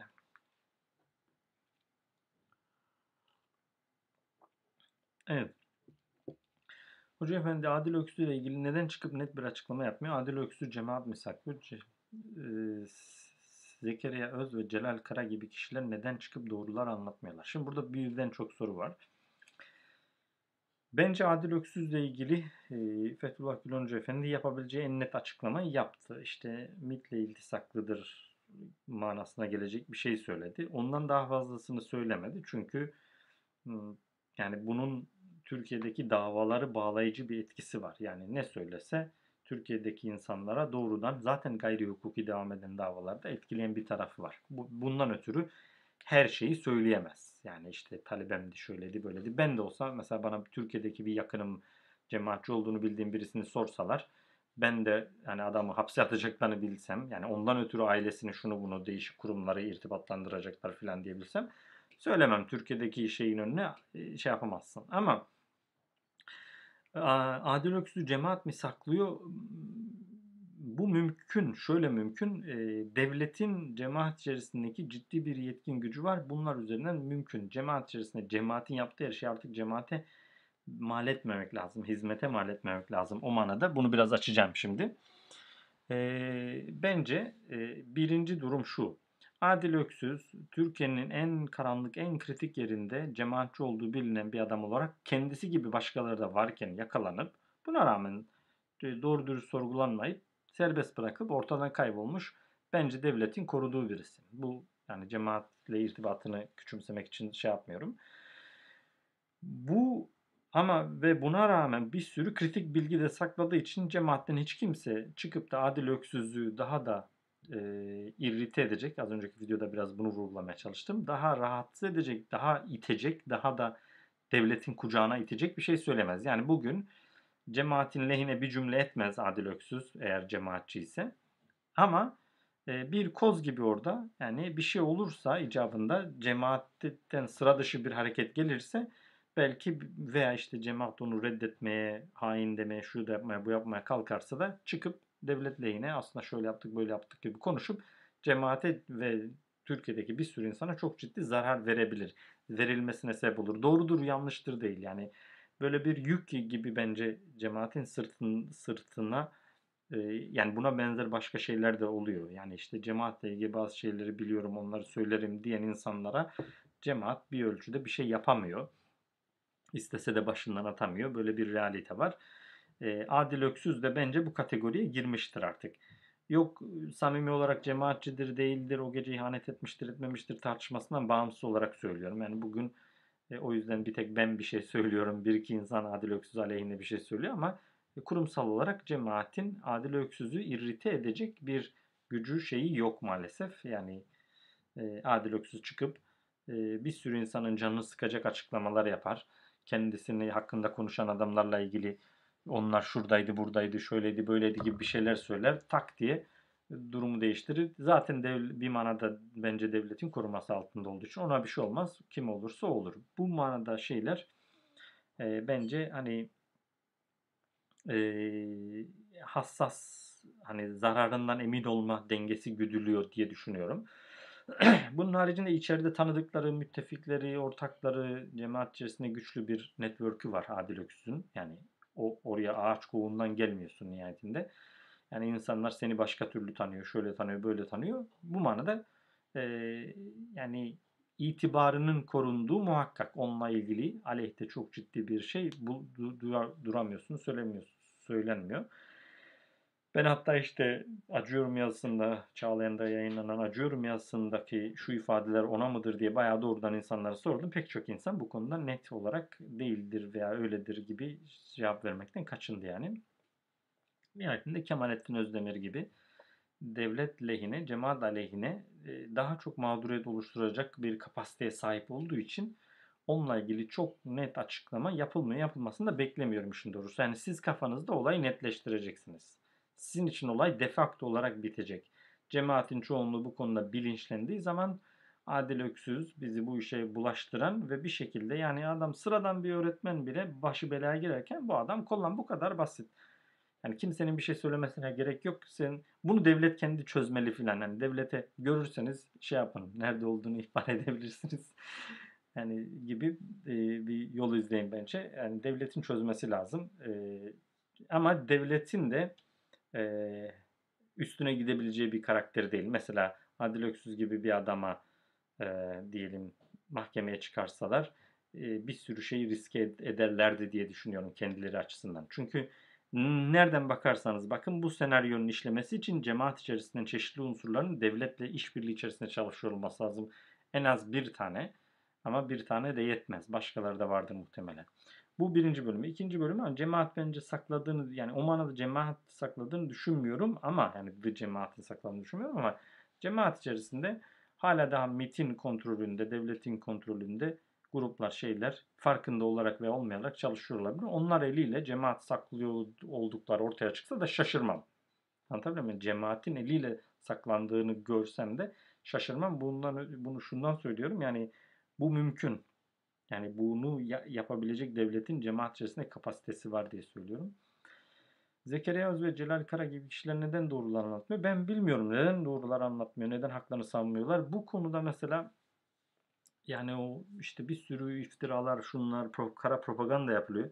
Dikkat edin mahkemeler tutarlı bir şekilde cemaati işte bunlar bu söylenenlerin binde birini şey yapabilseler, e, somutlaştırıp ceza haline getirebilseler bu kadar hukuksuzluğa ihtiyaç duymazlar. Anlatabiliyor muyum? Ama e, bir yanıyla bu bir kara propaganda meselesi. Öte yandan da bu kara propagandaya karşı bu kara propagandanın hedefindeki insanlar yapmaları gereken natürel müdahaleyi, natürel mücadeleyi yapmıyorlar. Zekeriya Öz, Celal Kara bunlar meşhur olduğu için ama bir sürü insan bildiği şekliyle şeyin e, cemaatin veya KHK mağdurlarının değişik sebeplerle mağdur edilen insanların e, çıkıp haklarını savunmaları gerekiyor diye düşünüyorum. Ama bu konuda çok uzun bir süre bir sessizlik oldu. Yani ben de o zamanlar Videontere'ye bir sürü insan çıkarıp konuşturmaya çalışıyordum. Bir sürü insan çıkmıyordu. Adem Ebu Zas'tan bayağı uğraştı. Sonuçta 4 yıl geçti. İşte bir iki istihbaratçı, bir iki yani yani küçümsemek için söylemiyorum ama sayıca az olduğu için söylüyorum insanlar arkası gelir. Bak insanlar konuşmaya başladı. Yani biraz bade harabül basına yani demir tavında dövülseydi iyi olurdu. Sıcağı sıcağına onlara cevap verilseydi. Yani orada bir yalan üretiliyor. Siz burada doğrusunu anlatsanız insanlar daha onun aslı budur diye bilseydi o mücadelede dengede kalırdınız. Ama o denge aleyhinize değişmiş. O bütün o zaman atılan suçlamaların hepsi bir bir neredeyse fact bir e, olgu gibi kabul edilmeye başlamış. Bu dakikadan sonra o mücadele eskisi kadar güçlü olmaz ama yapmaları lazım. Haklarını savunmaları lazım. Ee, kendi kendi yaptıkları işin e, değerisini doğrusunu anlatmaları lazım diye düşünüyorum. Muhtemelen işte yani işte acaba KHK'lar geri döner mi şöyle olur mu böyle olur mu gibi bekleme stratejileriyle bu insanların bekletilip e, sessiz pasifize edilmesi bu da ilginç yani devlet cemaati nerede istiyorsa cemaat tam öyle hareket ediyor yani pasif edilgen hiçbir şekilde reaksiyon üretmeyen bir şeyde hareket ediyor birkaç bireysel inisiyatif hariç e, her şey bu bağlamda değerlendirilebilir. E, yani neden doğrularını anlatmadıklarını bilmiyorum. Yanlış yaptıklarını düşünüyorum. Zamanla bu fikirlerini değiştireceklerini de biliyorum. Aynı bugün 3-5 insanlar konuşmaya başladığı gibi yarın iyice bu meselelerden ümidi kestikleri zaman Türkiye'ye dönme şu bu gibi meselelerde çıkıp bangır bangır haklarını savunacaklar. Çok geç olacak maalesef ama yapacak bir şey yok. Yani tıpkı Ahmet Davutoğlu'nun işte konuşsaydım parti yıkılırdı der gibi insanlar o zaman diyecek ki niye vaktinde söylemedin, niye vaktinde konuşsaydın diyecek. Yazık olacak. Evet. Bir sonraki soru. Cemaatin medya yöneticilerinin 17-25 Aralık gibi gelişmeleri savunması ve sahiplenmesi ve daha sonra hükümetten yana bir zarara uğradıklarında savaş meydanını terk edercesine kaçmaları cemaatin tabanına bir ihanet değil midir? Tüm taban hakkında söz söylemenin bir bedeli yok mudur? Diyelim ki var da bu hesabı kim soracak? Yani cemaat içerisinde böyle bir tüzel kişilik şeyi yok. Gelişimi yok maalesef. Dolayısıyla e, tam olarak bunu soracak şey yok. Taban bu konularda yani cemaat taban dediğimiz insanlar ya bizim hakkımızda attınız tuttunuz e, masaya yumruk vurdunuz şöyle yaptınız böyle yaptınız medya yöneticileri için demiyorum. Yani öyle deyince de geniş bir spektrum oluyor. Herkesi suçlamak da doğru değil. Ama cemaat tabanında böyle bir bilinçlenme, hesap sorma bilincinin oluştuğunu görmüyorum. Ee, daha ziyade insanlar, ben baştan beri hep böyle söylediğim için de eleştiriliyordum ayrı mesele. Yani bu hesap sormanın ne kadar önemli olduğuna ikna olmuş gibi de değiller. Yani bunu hala fitne, fucur filan zannediyor. Islah edici olduğunu görmüyor. Yani hikaye geldiği zaman Hazreti Ömer'e işte ya ya emir el müminin dur hutbeye başlamadan evvel hele söyle bakalım sen bu gömleği nasıl şey yaptın biz bir gömlek yapamadık ganimet malıyla filan sen nasıl yaptın diye hesap sorma hikayesini övme ama yerine geldiği zaman herhangi bir şeye karşı otoriteye karşı asla hiçbir şekilde hiçbir sorgulamaya girmeme. Mesela siz e, şeyde cemaat içerisinde şu parayı nereye harcadın, bunu nasıl şey yaptın, oraya gittiğinde nasıl emin olduğun gibi e, sorgulamaların yeterince olmadığını, olmadığı için de sonra kriz çıkınca da işte şöyle oldu, böyle oldu. Yani Bu tamamen eee, bilinçli bir kitlenin, bilinçli top, bir topluluğun izale edilebileceği bir mesele. Yoksa öbür türlü yani kim bu hesabı soracak, kim ihanetle suçlayacak ki e, adam cevap versin yani anlatabiliyor muyum? Yani adam çıkar konuşur senin soruna da hiç e, umursamaz, varlığını da umursamaz, senden şey yapmaz. Sen de bunun önemine ikna olmamışsın. Hatta o önem yani bu biraz Türkiye'de insanlar faşizme karşı neden mücadele etmiyor? İşte bu bunun bir maliyeti var. E, cemaat içerisindeki tiranizmin, faşizmin, baskı şu bu gibi bir şey varsa bununla niye mücadele etmiyorsun ki? Bununla ilgili de başyazılarda işaretler var. E bunun da bir bedeli var. Herkes bu bedeli ödemek zor ödeme şeyinde hissetmeyince o zaman bedel ödenmeyince de böyle kalıyor, değişmiyor çok. Ben kaçmalarını yani insanların haklarında dosyalar oluşturmaya başladığı zaman e, yani bunu da gazetelerde Fuat Avni şu bu gibi ilginç mecralardan okuyorduk. E, işte Ekrem Dumanlı olsun, Kerim Balcı olsun değişik isimlerin çıkmasını yanlış bulmuyorum kendi başına. Bu yanlış değil. Bu doğru. E, bence keşke herkes yani e, herkes çıksaydı meselenin nereye gideceği belli olur olmaz insan kendini te ha şu an çıksa insanlar yarın tutuklanacak. Yani bugüne kadar tutuklanmayı bugün tutuklanan adam var ya 4 yıl bekledi. Bugün tutuklandı adam. Anlatabiliyor muyum? Yani geçen yıl tutuklandı. Yani bana bir şey olmaz, bana bir şey olmaz diye beklemenin bir yok. Hani keşke çıksa insanlar hayatını kursa, üretken şeyler yapsa. Çıktıkları zaman yaptıkları şeyler de sorgulanmalı. Yani adam ne yapıyorsun kardeşim? Yani bakın 4 yıldır şöyle bir problem var. Sadece medya ele alırsak yani her her sektör için bu söylenebilir. 4 yıldır 5 yıldır mesela medyacıların kendi meslektaşlarının hakkını savunulması konusunda dünyadaki meslek gruplarıyla irtibatları hala zayıf. Hala daha bakıyorsun Türkiye'de dün bir istatistik kurumunun şeyine baktım. 37 tane gazeteci hapiste gözüküyor. Bunlardan birinde Ahmet Altan, biri de birkaç tane meşhur adam koydunuz mu? Sanki cemaatten hiç kimse hapiste değilmiş gibi görünüyor. E bu şimdi hapistekilerin suçu değil ki bu dışarıdakilerin suçu. Bunun hesabını sormayan tabanın kendisinin suçu. Anlatabiliyor muyum? Yani kaynakları nereye harcıyorsunuz? Ne boş beleş işler yapıyorsunuz?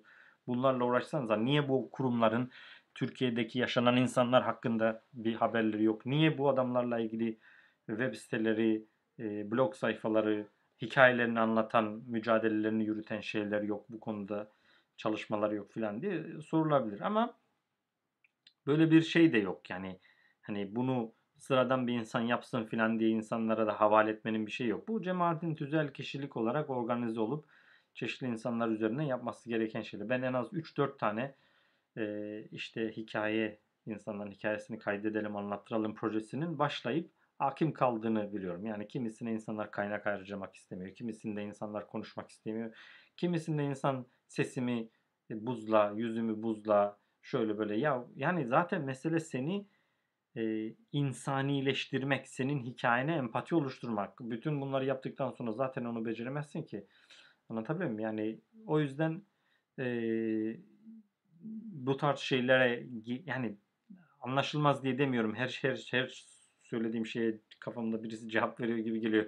Ben de bunların farkındayım ama yani binlerce yüz binlerce mağdur var ya içinden 3000 5000 tane e, cesaretlidir şudur budur filan e, insan çık, çıkabiliyor olması lazım. Normal hikayesini hakkını savunuyor olması lazım. Bunu sırf işte şuna buna ismi bilinen adamlara bırakmamak lazım bence.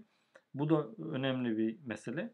E, tüm taban hakkında e, yaptıkları yayınlar, söyledikleri sözler, milleti getirdikleri gazlarla ilgili de sorumluluk almalar lazım bence. Yani işte o kadar bir kamyon laf ettiler.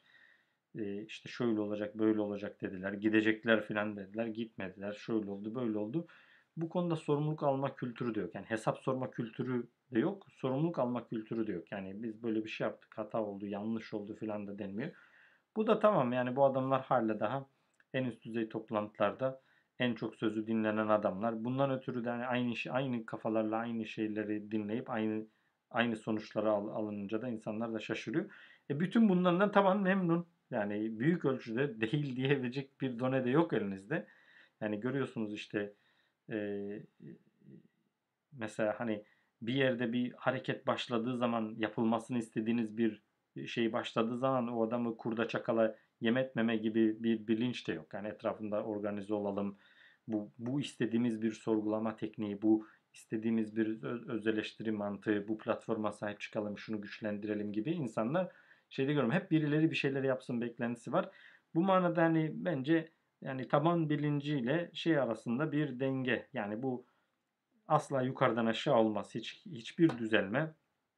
Cema bir gün yönetici kısmındaki insanlar şey yapıp ya bu işleri düzeltelim filan demez. Aşağıdan zorlama olur.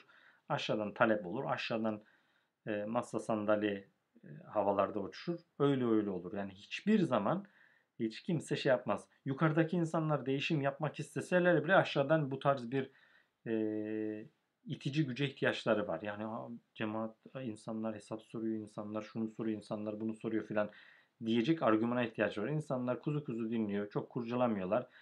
Yani şöyle düşünün ya bugün muavenet diye yardımlaşma gündemi var. İnsan parayı vereyim ötesine karışmayın modunda. Yani buradan bir yere gidemezsin ki. Yani yer yerinden oynuyor.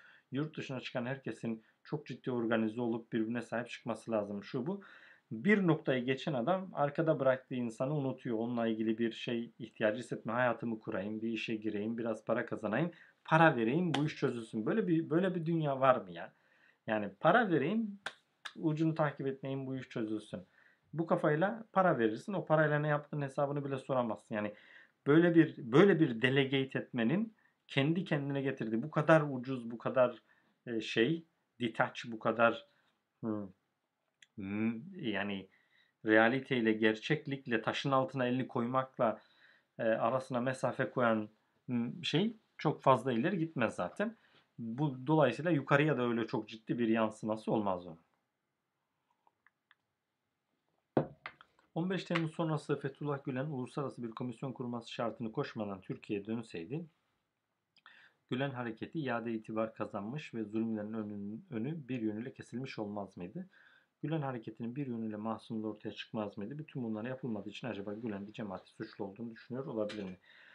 Hayır yani bu çok ben anlamıyorum. Yani bu meseleyle ilgili çok naif bir düşünce şeyi. Fethullah Gülen Türkiye'ye dönseydi hareketin iade itibarı falan olmazdı e, Fethullah Gülen'in Türkiye dışında olması cemaat adına bir şans. Hatta çok ilginçti. Ben o zaman blog yazmaya yeni başlamıştım. Mesut Sezgin blog diye bakarsanız bulabilirsiniz. Ben Fethullah Gülen Hoca Efendi davet edildiği zaman Türkiye'ye dönmeyeceğini o açıklamadan evvel yazdım. Çünkü Fethullah Gülen için Türkiye güvenli bir yer değildi. Yani siz öyle zannediyorsunuz filan ama Türkiye'deki mevcut dinamikler, rejim dinamikleri sadece Fethullah Gülen değil aşağıdan yukarı bu sosyal mobilizasyon meselesinden çok rahatsızlar. Öyle böyle değil. Yani gördünüz işte adam gerekirse kendisi bile bir yani havasız susuz ekonomim kötüleşsin yeter ki bunların kökü kazınsın ya istiyor. Yani bu kadar ötekine kapalı işte dindarlık dindarların etrafta gözükmesini istemeyen oksijensiz kalsınlar, ölsünler, gebersinler diye düşünen bir şey var. Sen bu adamların e, yıllarca kurdukları sistemleri bir şekilde aşıyorsun. Yani yani öyle sistemler kurmuşlar ki insanlar zihinsel olarak ötelemişler, e, kurumsal olarak ötelemişler. Sen bütün bunları eğitimle şunla bununla başlamışsın. Hukuki olarak önünde durmanın bir yolu. Gerekirse Avrupa Birliği'nden çıkarız. Yani geliyorlar burada konuşuyorlar işte Avrupa Birliği parlamentoda İngiltere parlamentosunda deniz ülke Arıboğan mesela. Yani normalde hak, hukuk, adalet bilmem ne ama şeylere geldiği zaman, dindarlara geldiği zaman gebersinler, hak ettiler bilmem ne moduna geçiyor. Hiç kimse de sorgulamıyor bunu. Bu çok naif bir düşünce. Yani bu Türkiye'de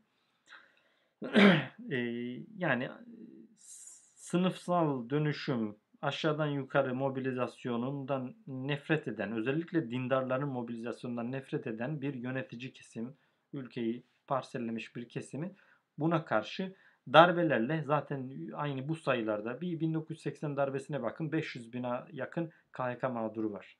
Bir sürü kurumlardan, üniversitelerden adam atılmış. Yani detaylı çalışmasına baksanız hepsi muhalif ve muzur görülenli, solcudur, şudur budur ama devletin makbul vatandaş olarak görmediği insanlar ve bu adamlar e, itiliyor. Yani sen bir noktadan sonra özellikle Soğuk Savaş'ın bittiği 90'lı yıllar işte Sovyetlerin yıkılmasıyla bu ivme biraz daha İslami camianın eline geçti. Hem siyasal İslam'ın eline geçti hem işte sosyal İslam dediğimiz Gülen cemaati ve diğer cemaatler güçlenmeye başladılar. Çünkü toplumsal arka planı var olayın.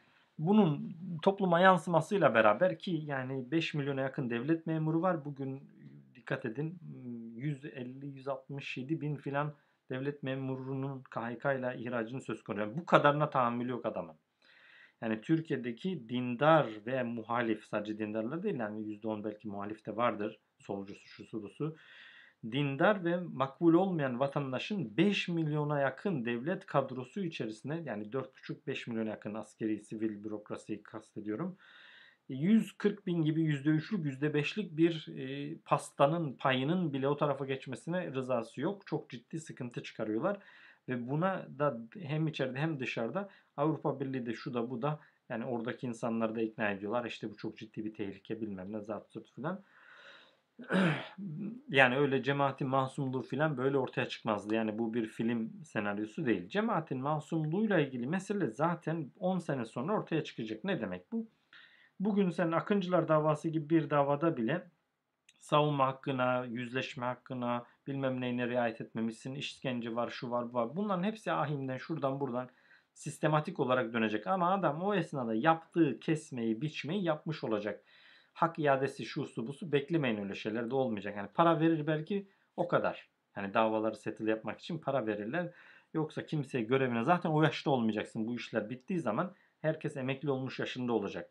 Yani o manada kapıyı kapatmasına fayda var. Ama bu konudaki zaten suçlu olsaydı suçunu devlet tak diye önüne koyardı. Böyle hamile kadınları tutuklamak zorunda kalmazlardı. Aslanlar gibi delilleriyle bilmem nelerle şey yaparlardı ortaya çıkarlardı. Maalesef çoğunluğu bir kara propaganda. Maalesef diyorum yani hani insan diyor suçlu bari suçlu olsam yatsam neyse de suçsuz yere kara propaganda yapılıyor. Çoğu insana e, bu kara propagandanın sonucuyla e, toplumsal bir kabul oluşturulduğu için, öfke oluşturulduğu için bütün bunlar yapılabiliyor. Cemaat bu propagandayla, kara propagandayla, modern tekniklerle mücadele edebilirdi. Elinde bu imkanlar vardı. Edebilirdi, etmeliydi, hala da etmeli. Yani cemaati YouTube kanalı kur, Facebook yayın yap bilmem neye ikna etmesi 3 yıl 4 yıl artı bir de Covid salgınına şey oldu. Yani bütün bunlar toplantılara reddedildi, şey yapıldı. Biraz geri kafalı, biraz şeyin nereye gittiğini anlamayan adamlar bu konularda karar verdiği için ta ki Covid onları kendi sandalyelerine, kendi oturma odalarına kitleyene kadar. Çünkü yaşlılar için özellikle hiçbir yere gidemiyorlar ya mesela. O zaman başladılar Zoom'dan konuşmaya. E madem konuşuyoruz kaydedelim. Madem kaydediyoruz YouTube yayın olsun. Madem oldu kaybolmasın filan. E bütün bunlar 4 yıldır 5 yıldır yapılabilirdi. Yapılmıyor. Neden? İşte e, cemaatin önü ufku açık adamlar tarafından yönetilmiyor. Neyse.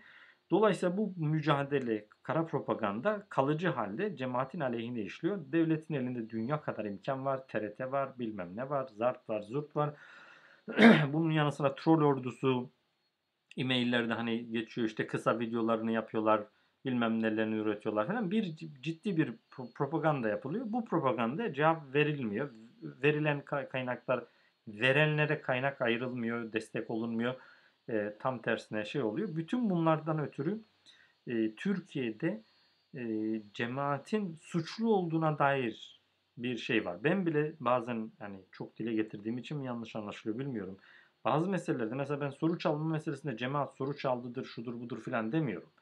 Yani cemaatin içerisinde zaten yani her türlü insan var. Mutlaka bu, bu tarz işlere bulaşmış insanlar da olabilir sistematik olarak bu işin parçası olduğuna dair elinde elimde bir dönü yok. Yani ama e, cemaatin içerisinde bunların bulaştırılabildiğini 2010 şeyinde gördük. Ben benim oradan bildiğim doneler de var. Ama bu, buradaki anlatılan şeylerin çoğusunun da bir propaganda olduğunu da biliyorum. Öyle doneler de var. Ama bu propagandanın bir KPSS meselesinden çıkıp bütün sorular her şeyle ilgili yapıldığını da biliyorum. Ve bununla mücadele etmesi için işte şöyle şöyle mekanizmalar kurması lazım diyorum. Yani çünkü bu bir aynı zamanda algı mücadelesi ve senin durduğun yeri de belirleme mücadelesi. İç iç mekanizmalarını soruşturma yaparsın. O soruşturmalar sonucu e, varsa suçlular arayana mesafe koyarsın, ötekileştirirsin, cezalandırırsın. Yoksa da en azından pozisyonunu belli edersin. Kimse yapmaya cesaret edemez filan gibi gibi anlatıyorsun. Olmuyor. Ama nihayetinde bu bir mahsumiyet veya suçluluk meselesi değil. Yani e, o gece e, yapılan bir gerçekten bir operasyonla cemaatin silahlı bir mücadeleye giriştiğine, silah terörize olduğuna dair bir algı oluşturulup bundan ötürü bir sürü insan şey yapıldı. Yani hiç kimse şu soruyu bile sormuyor. 20 binden fazla asker, subay şu bu görevden atıldı, general bilmem nesi. Yani cemaatin subaylarının ve polislerinin %95'i ki geri katılanların hepsinin cemaatçi olduğunu varsayalım. Neden bu darbeye katılmadı diye sorusunu bile sormuyor. Yani bir şey yaptılar, bunu cemaate mal ettiler e, ve bütün yüz binlerce insanı mağdur ettiler. Bununla hak mücadelesi teknikleriyle, işte propagandayla mücadele teknikleriyle mücadele edilebilirdi. Acı tarafı edilmedi, çalışılmadı. İşte hala daha şimdi bazen insanlar böyle hayret ediyorum bir şey söylüyorsun diyor ki Allah bu işi bitirecek. Ya Allah bitirecek olsa sana niye seni niye yeryüzüne göndersin? Yani Allah bitirecek olsa sen niye dünyanın dört bir tarafında okul açıyorsun? Eğitim, cehalet bilmem neyle mücadele ediyorsun. Anladın mı? Nasıl bir zihniyet cemaati ele geçirdi, hizmet hareketini ele geçirdi bilmiyorum ama yani o o zihniyet 1980'lerde 90'lardaki zihniyet değil. O zamanlar proaktif, sivil, etrafındaki problemleri çözmeye çalışan sivil bir hareket vardı. Bugün bakıyorsun bambaşka bir şey haline gelmiş. Neyse konu böyle dağıldı ama yani bu mesele bir masumiyet meselesi değil. Sadece bir masumiyet meselesi değil. Bunun bir algı, e, propaganda mücadele meselesi var. Yani bugün e, yurt dışında yayın yapan insanların hangi birisi ne suç işledi de yurt dışında şey yapıyor. Anlatabiliyor muyum? Yani öyle bir şey yok ki. Ama hepsi e, zan altında bırakıldı. Hepsi şey yapıldı ve bununla herkes e, bir şekilde mücadele edebilirdi, etmiyordu. Uzun hikaye edebilir. Hala daha yapabileceği şeyler var. E, biraz kavga gürültüyü burada kaybetti. Yoksa Fethullah Gülen Türkiye'ye dönseydi öyle öyle zannettiğiniz gibi bir şey olmazdı. Yani algı bile değişmezdi. Bak suçunu itiraf etti geldi derlerdi. Anlatabiliyor muyum? Yani o konudaki algıyı bile kullanırlardı. O, o, o, o konuda 50 tane şey var. Yani bu, bu konuda Türkiye'deki insanların Türkiye'den çıkması lazım. Anlatabiliyor muyum? Yani ama dışarıdan yapabileceğim bir şey var. Bir ihtimal var. Bir mücadele şeyi var. Acı olan yani eskiden de cemaatin %10 kadarı yurt dışındaydı. Darbe sonrası bir %10, %10, 15 daha. Yani 30 bin ila 60 bin böyle rakamlardan bahsediyoruz. Bu 60 bin insanın işte imza atmaması, yüzünü göstermemesi, mücadele vermemesi, işte yok geride kalanları şöyle böyle filan e, tehlikeye atmak istemiyorum gibi kendi bencilce, işi bencil yani kendi benliği etrafındaki insanların, kendine yakın insanların burnu kanamasın diye memleketinin içine edilmesine bir manada göz yumması. Yani görüyor adam da sen konuşmadıkça daha da kötü olacak ama o yok. Benim akrabalarıma dokunmasınlar da benim işte ekibime dokunmasınlar da benden ötürü kim ya zaten kader inancın var. Sen bir şey olacaksa olur. Sen e, imtihan dünyası doğru yapılması gerekeni yap. Hak hak hak mücadeleni ver. Haklı olan taraftan yana tavrını koy filan. Yok öyle öyle değil. Yani hayatımı kurayım şey. Bu da yanlış değil. Kursun. Yani bu uzun soluklu bir şey. 5 sene sonra olur. 2 sene sonra olur. İşte YouTube'a girmesi 4 sene sürdü. Belki diğer peer-to-peer teknolojileri kullanmayı da öğrenir zamanla. O da olur yani inşallah.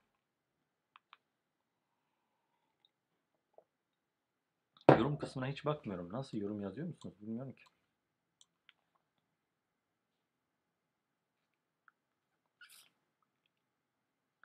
...80 bin memur değil... ...160 bin kadar memur. Ben rakamları daha iyi çalıştım biliyorum. Evet Ali Bulaç, Ahmet Turan Alkan doğru söylüyorsa sonuçta cemaat sempatizanlarının çok büyük bir kısmı içinde bulunduğu yapıyı ayrıntılı tanımıyor. Prensipler üzerinden hizmet hareketini destekliyor. Ali Bulaç, Ahmet Turan Alkan gibi isimler iç işleyişe daha vakıf diye düşünüyorum. Ya onlar benim bizim göremediğimizi görüyorlarsa ve söylemlerinde bu sebeple haklılarsa. Bence Ali Bulaç ve Ahmet Turan Alkan hizmet hareketinin iç işleyişini çok bildiklerini zannetmiyorum. Hatta bugünkü söylemlerinin temelinde de biraz aslında cemaatin nasıl e, nasıl çalışması gerektiğine dair kafalarında bir şey olabilir ama na, gerçekten nasıl çalıştığına dair çok iyi bilgiye sahip olduklarını düşünmüyorum. İkincisi bu iki isim ve diğerleri de Türkiye'de isimler. Yani Türkiye'de olan, Türkiye'deki durumlar, Türkiye'de hangi söylem makbul, hangisi yarım söylem, hangisi işe yarar, hangisi işe yaramaz, ne yapmak istiyorsam ve hangi mesajı vermek istiyorsam neyi tam olarak nasıl söylemen lazım? Buna rağmen bu işe yarar mı yaramaz mı tartışmalarından bağımsız olarak düşünmemek lazım. Ee, yani belki gerçekten bir toplantıda bir araya gelseniz cemaatle ilgili de eleştirileri vardır. Kimin yok, herkesin var. Ama e, o bugün söyledikleri şeyler biraz böyle sistemin onlara dayattığı yani sistemin başka türlü ikna olmayacağı şeyler diye düşünüyorum ben. O manada tek başına öyle şey olarak düşünmüyorum. E, ama söyledikleri şeyleri dikkatli söylediklerini varsayalım. O dikkatli yani hakikat işe şey yapan şeyler olabilir mi?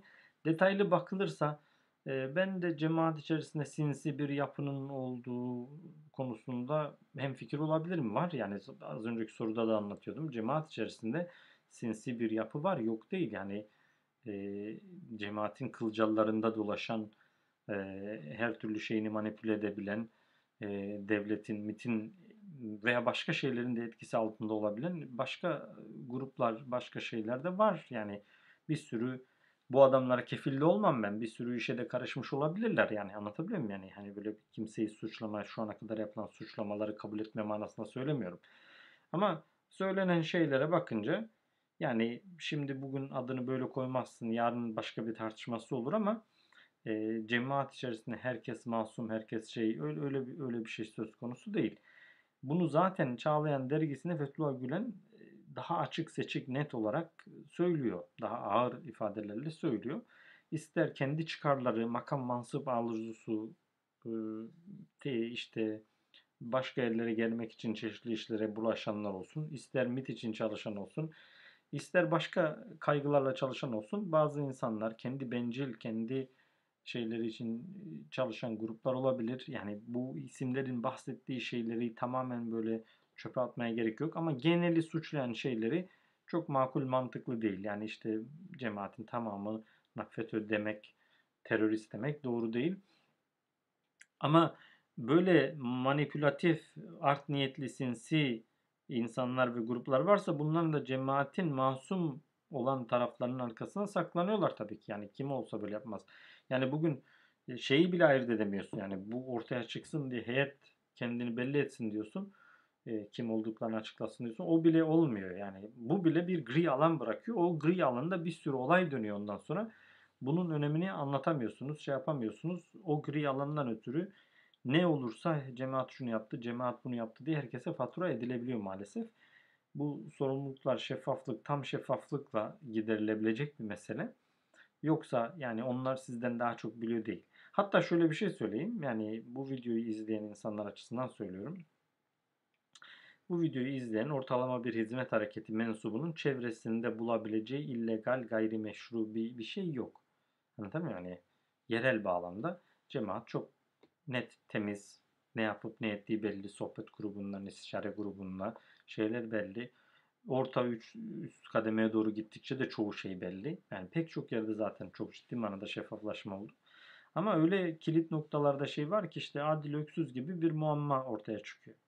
Nasıl oluyor? Nasıl yani nasıl e, oluyor bu adam cemaatçi olabiliyor da devlet bırakıyor da şöyle oluyor da bulunamıyor da bilmem ne oluyor da kimin eli var kimin şeyi var diye. Bu anlamadığım bir şey. Şimdi bunu Ali Bulaç da bilmiyor, Ahmet Turan Alkan da bilmiyor. Ben de bilmiyorum bir manada. Tahminlerimiz var, şeylerimiz var ama nihayetinde burada çok ciddi bir rejim e, ortaklığı, bir e, bir işbirliği. Bu işbirliğinin beklediği bir şey var.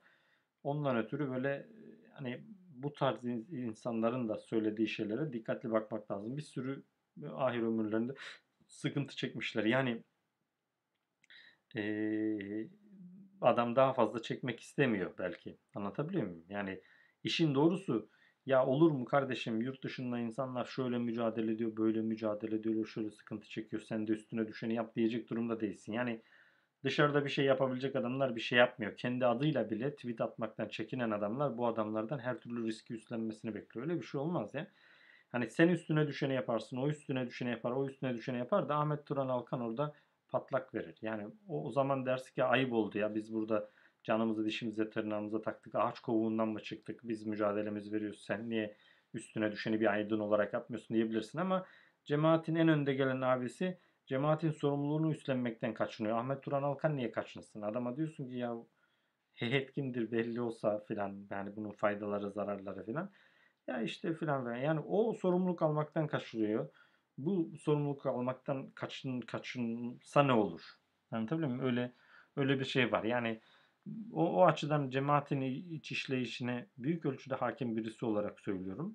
Olaylar karmaşık. E, bu karmaşıklık bir bir çıkış kartı, bir temizlenme, aklanma kartı olarak söylemiyorum. Gerçekten sosyal hadiseler zaten karmaşık.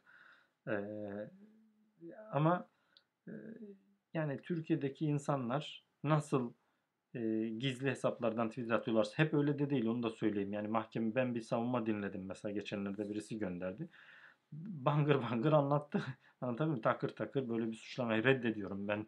Bunları yaptım, bunları ettim, bunlar suç değil falan dedi. Adam aldı beraatını.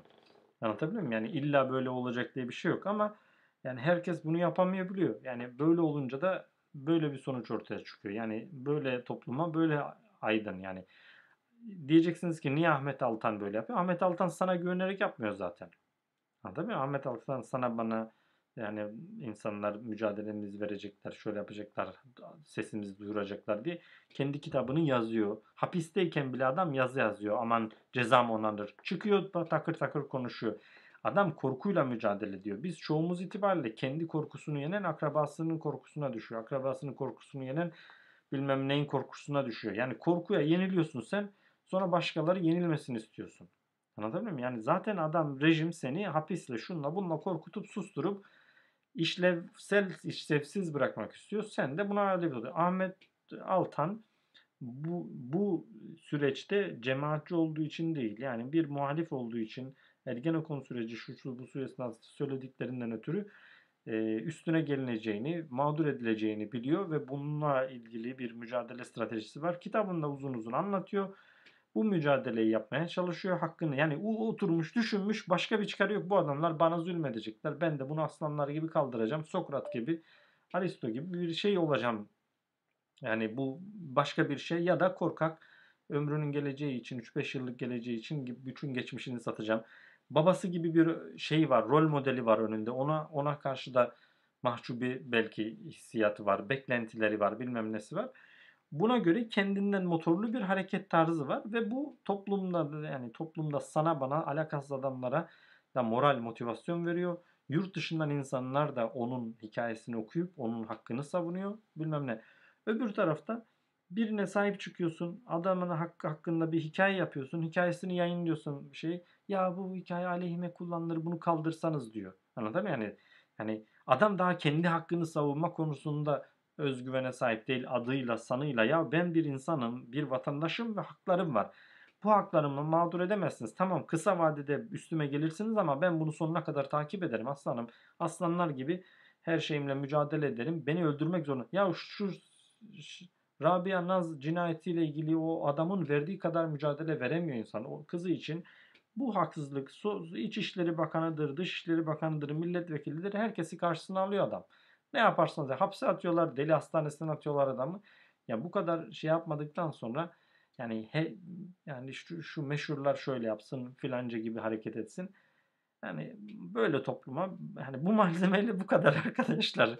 Yani millet, bana bile şey yapıyor. Yani e, ben de kendime oradan biçiyorum. Yani bir etrafıma bakıyorum. E, e, hani toplum ne kadarına hazırsa o kadar yani. Anlatabiliyor muyum? Bir yere kadar yani toplumun az önünde gidebilirsin, biraz daha şey yapabilirsin ama e, malzemeye de bakmak zorundasın. Yani bir, bir Ahmet Turan Alka, Alkan'da böyle bir durum. Yani ben o manada hani söylediklerinden bağımsız e, yani o fikirlerin ayrı bir bakın bakalım bundan sonra ne yazacak, ne çizecek diye bakabilirsiniz. Yani yaşamış etmiş. Bu onun davası mücadelesi değil ki senin davan. Hizmet hareketini Ahmet Turan Alkan kurmadı ki. Sen kurdun. Onu sen ayağa kaldır, kaldıracaksın. Yoksa başkası senin için ne yapabilir yani? Onu, onu da ondan öğrenmene gerek yok. O da ayrı bir mesele. Onu da söyleyeyim. Yani hizmet hareketinin iç işleyişine dair e, yani benim bilmediğim Ahmet Turan Alkan'ın size söylediği benim söylemediğim ne var ki? Evet. Cemaat insanları adil mi? Hem içe hem dışa karşı adaletler mi? Bu sorumu hem yönetimsel hem de bireysel bazda düşünebilirsiniz. Yani bu kısa cevabı değil. Bence değil. Yani çoğu itibariyle öyle olabilir. Hani cemaatin belirleyici şeyler açısından. Bence cemaatin en büyük problemlerinden birisi kendi prensipleriyle amel etme işi. Yani bütün prensipleriyle sınanıyor şu an cemaat. Yani işte gayrimeşru hareket etmemek, kanunlara riayet, doğru söylemek, sivi şişirmemek bilmem ne filan bütün prensiplerle sınanıyor. Başkalarının kusuruna karşı mesela bak bu cemaatin prensibi değil mi? Başkalarının kusuruna karşı avukat, kendi kusuruna karşı savcı olmak. Şimdi çık bir, bir yayın yaparken birine de ki ya Tayyip Erdoğan'a kusuruna karşı avukat, kendi kusuruna karşı savcı olman gerekmiyor mu? Yani kendi kusurunu daha öncelemeyip onlarla e, şey, o şimdi vakti değil, şimdi mücadelesi değil falan. 50 tane şey getirir sana. Yani bu manada bu, böyle de bir çalışmam var. Yani işte hasta olmasaydım geçen yıl itibariyle yapacaktım ama hani cemaatin kendi prensiplerini uygulama konusunda çok ciddi bir problemi var. Anlatabiliyor muyum? Yani bir şeyi büsbütün kazanamıyorsanız büsbütün kaybetmemelisiniz. Cemaat prensibi değil mi? E nerede hani büsbütün kaybetmeme? Bir 40 yıl seninle ilgili iyi şeyler söyleyen adam bir tane yanlış şey söylediği zaman dilin kurusun, kalemin kırılsın bilmem ne fikirler iktidara gelmiş. Zaten adam faşistlerle uğraşıyor bir de seninle uğraşacak. Yani e, işte ne bileyim başka prensipler de var. Yani bir sürü prensip var cemaat prensibi olarak. Dövene elsiz, sövene dilsiz olmak. Ya ben şeyle ilgili kastetmiyorum. Hükümet, devlet mücadelesi falan. Bu hak hukuk mücadelesiyle de bağlı söylemiyorum. Gerçekten dövene elsiz, sövene dilsiz olmak ne demek? Yani bu bunun aç, açılımı yapıldı mı şeyi oldu mu yani Uy, uygulamasını göre, görmek mümkün mü? Buna benzer amellerinizde rıza ilahi olmalı. Gerçekten amellerinizde rıza ilahi ol, olsaydı her aleyhinizde veya bir gün eleştiri yapmaya başlayan vay senin yulafın kesildi, bursun verilmedi, maaş alırken iyiydi gibi laflarla biz sana para verdik sen karşılığında konuşacaktın, para vermeyi kestiğimiz için böyle yapıyorsun gibi aslında ben bu işi Allah rızası için yapmadım sana para verdim ki benim lehime konuş diye kafamda böyle bir pazarlık vardı düşüncesini ortaya çıkmıyor mu her yerden böyle kafasını fırlatmıyor mu? Yani o, o, o ifadelerin tamamı ben sana bir şey verdim karşılığında beklentim vardı. Niye o beklentimi vermiyor? E, hani Allah rızası için yapmıştım.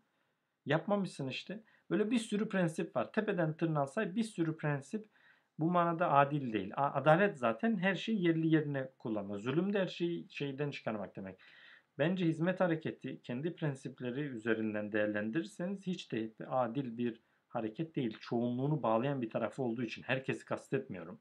Ama yani yaşatma duygusuyla yaşamak mesela. Ha, yani var mı yani yaşatma duygusuyla yaşamanın realitesi? Yani cemaatin toplamından kendi dışındaki mağduriyetlerle ilgili başkalarını önceleyen bir politikası bir şeyini görüyor musunuz? Yoksa varsa yoksa benim sıkıntım, benim düşüncelerim. Neyse ben belki kafamdan bambaşka bir yere gittim kusura bakmayın ama yani o manada e, sorunun sorduğu gibi bireysel olarak ele alırsak bence cemaat insanlar adil değil. Yani 40 yıldır mesela işte Ahmet Turan Alkan'ı bu şekilde değerlendiremezsin. Anlatabiliyor muyum? Hapiste çürüyor bir sürü insan. Meslektaşları onları yurt dışındaki meslek gazetecilik mesleğinden ötürü mağdur edildiklerine dair kayıtlara bile geçirememişler. Bu adamlarla ilgili yani bu adamların sana karşı hayal kırıklığı olmayacak da bana mı karşı hayal kırıklığı olacak? Binlerce insan var bir şeyleri yapabilecek, bir şeyler edebilecek, organize olabilecekken herkes abiler bir şey yapsa, filancalar bir şey yapsa diye bekliyor. Bir şey yapan olursa da ilk sen üstüne gidiyorsun. Anlatabiliyor muyum? Hem içe karşı hem dışa karşı bence adaletli değiller. Anlatabiliyor muyum? Yani daha doğrusu yani düşünüp kendi karşılaştığı şeyi kendi değerlendirme şeyi bile yok. Yani bana bile bir sürü insan videoları izleyip ya bu İsmail Sezgin kimdir? Ya kimdir? Düşün, dinle düşüncesine katılırsan katıl, katılmazsan katılma. Yani ne var yani? Anlatabiliyor muyum? Yani bu konuda bile illa bir referansa şeye ihtiyaç duyuyor insanlar. Acayip bir şey yani. Yönetimsel olarak zaten e, ayrı bir konu. Yani cemaatte e, cemaatte inovatiftir, faydalıdır, eleştireldir, bize faydalı olacak şeylerdir filan diye bir şeyin öne çıkarıldığını görmezsiniz. Yani e, bugün yapılan çeşitli faaliyetlerin yıllar evvel e, şeyi buna en çok karşı çıkan insanlar tarafından bayraktarlığı yapılıyor. Yani adam kendi akranlarının 4 yıl 5 yıl gerisinden gidiyor ama e, bu, bunun yönetimsel olarak da karşılığının olmadığını görüyorsun. Hala tam tersine 4 yıl 5 yıl geriden giden adamlarla e, yani kafası böyle çalışan adamlarla e, çalış şey yapıyor adam. Anlatabiliyor muyum? Yani yönetim de bunu önceliyor. Bununla daha kolay çalışıyor. Yönetimsel olarak da bireysel olarak da biraz böyle. Yani bu biraz flu bir soru. Bu kadar flu cevap verip geçmiş olayım yani. Cemaat geçmişte başkalarının acılarını görmezden geldi ve yaşananlara yeterince müdahil olamadı. Bu süreçte bu yaranın tedavi olduğuna inanıyor musunuz? Hayır bu yaranın tam olarak tedavi olduğuna inanmıyorum. Bazı insanlar açısından olmuştur. Onlar şimdi yorum kısmını doldurmasınlar. Ama yazabilirler de ayrı mesele ama cemaat hala büyük ölçüde yaşatma mefküresinden çok uzak bencil bir cemaat halinde. Bunu ağır söylesen, hafif söylesen nasıl olur bilmiyorum. Bugün cemaatin hassas olduğu, duyarlı olduğu yani bu soruyu sorarken Ahmet Kaya'nın sıkıntısına mesela AFSV veya Gazeteciler Yazarlar Vakfı bir şey demiş miydi filan diye soruyor. Bilmiyorum ama muhtemelen dememişti. Onu da tahmin etmek güç değil. Yani Roboski baskınında cemaat yayın nasıl yayın yaptı, nasıl bir şey izledi, başka şeylerde işte efendim Gezi Parkı şu bu gibi. Hani hiç iyi şeyler olmadı demiyorum. İki tane iyi şey bulup da önüme koymaya da gerek yok. Yani genel olarak cemaatin duruşu, insan zihninde sizin kafanızdaki duruşu, Kürtlerin hakları, eğitim hakları, dil hakları bilmem nesi şusu busu yok etüt merkezi açtık deyip geçmeyin. Yani bu bu konularda daha dışarı düşünün. Mesela yani ben daha ziyade yurt dışına. Şimdi cemaatin duyarlı olduğu mesele işte Uygurlar meselesi var. Orada da bence biraz ırkçılık, biraz da İslamcılık söz konusu. Yani hem Müslüman kardeşlerimiz hem de biraz ırkdaşlarımız hem de zaten Uygur konusunda hassas olmayan kim? Yani e, Amerikan senatosu senden daha hassas zaten. Anlatabiliyor muyum? Yani artık bütün dünya mal olmuş. Orada da yaptığın hani cemaatsel olarak bir şey yok da bireysel olarak insanlar duyarlı. Ama mesela Yemen konusunda, Mısır konusunda, bilmem ne konusunda, diğer konularda o kadar hani Myanmar'la ilgili bir şey olmaz. Neden? İşte kurumlar var, bir şey olmasın filan gibi şeyler de var. Ben bu yaranın e, empati konusundaki yaranın tedavi olduğunu düşünmüyorum. Öyle olsaydı zaten Fethullah Gülen yaşatma mefküresi diye bir yazıyla bu meseleyi ele almazdı. E, böyle bir sıkıntı da var yani. E, kısa cevap bu. Cemaatteki insanlar genel olarak hasbilik yerine hesabi olmayı tercih eder bir görüntü verirler. Siz bu görüşüme katılıyor musunuz? Bu da yani dediğim gibi çoğunluğu yani böyle çok küçük bir azınlık mide bulandırıcı bir şey, görüntü ortaya çıkmasına sebep oluyor diye düşünüyorum. Yani rakamsal olarak düşündüğünüz zaman çok iyi insanlar var. Çok sessizler, çok arka plandalar. Ama 3-5 tane mide bulandırıcı şeyden ötürü bu tarz şeyler oluyor. Yani hasbilik ve hesabilik mesela biraz şey gibi yani biraz önce de anlatmıştım ama belki videoyu kendi başına dinleyenler için söylemekte fayda var. Yani mesela adam diyor ki herhangi birisi bir şey söylediği zaman işte filan kurumda çalışırken iyiydi, maaş alırken iyiydi, burs alırken iyiydi filan. Orada işte o hesabilik şeyi görüyorsun yani. Zaten yani cemaatteki bazı kavramları böyle çalışabilirsiniz. Mesela insan kazanma diye bir kavram var. Anlatabiliyor muyum? Yani o insan zaten kayıp da sen kazanıyorsun da ne demek de bilmem ne de. Yani anlatabiliyor muyum? Yani işte ehli dünyayla ilgilenme meselesi var. Şu var bu. Buralarda bile yani bir hesap hesap var. Yani bu tam olarak Allah rızasını gözetme e, he, amelinizde rıza ilahi olmalı e, gibi bir düşünce e, ye çok uygun değil diye düşünüyorum. Evet son bir soru. Buraya kadar sabırla dinleyen 378 kişiye, 400 kişiye teşekkür ediyorum. Benim de boğazım ağrıdı. Bir yayında cemaatin %99'u güven krizi yaşıyor dediniz. Bu abartı bir rakam değil mi? Bu kadar bir yüksek bir oran nasıl tespit ettiniz? Şimdi dur.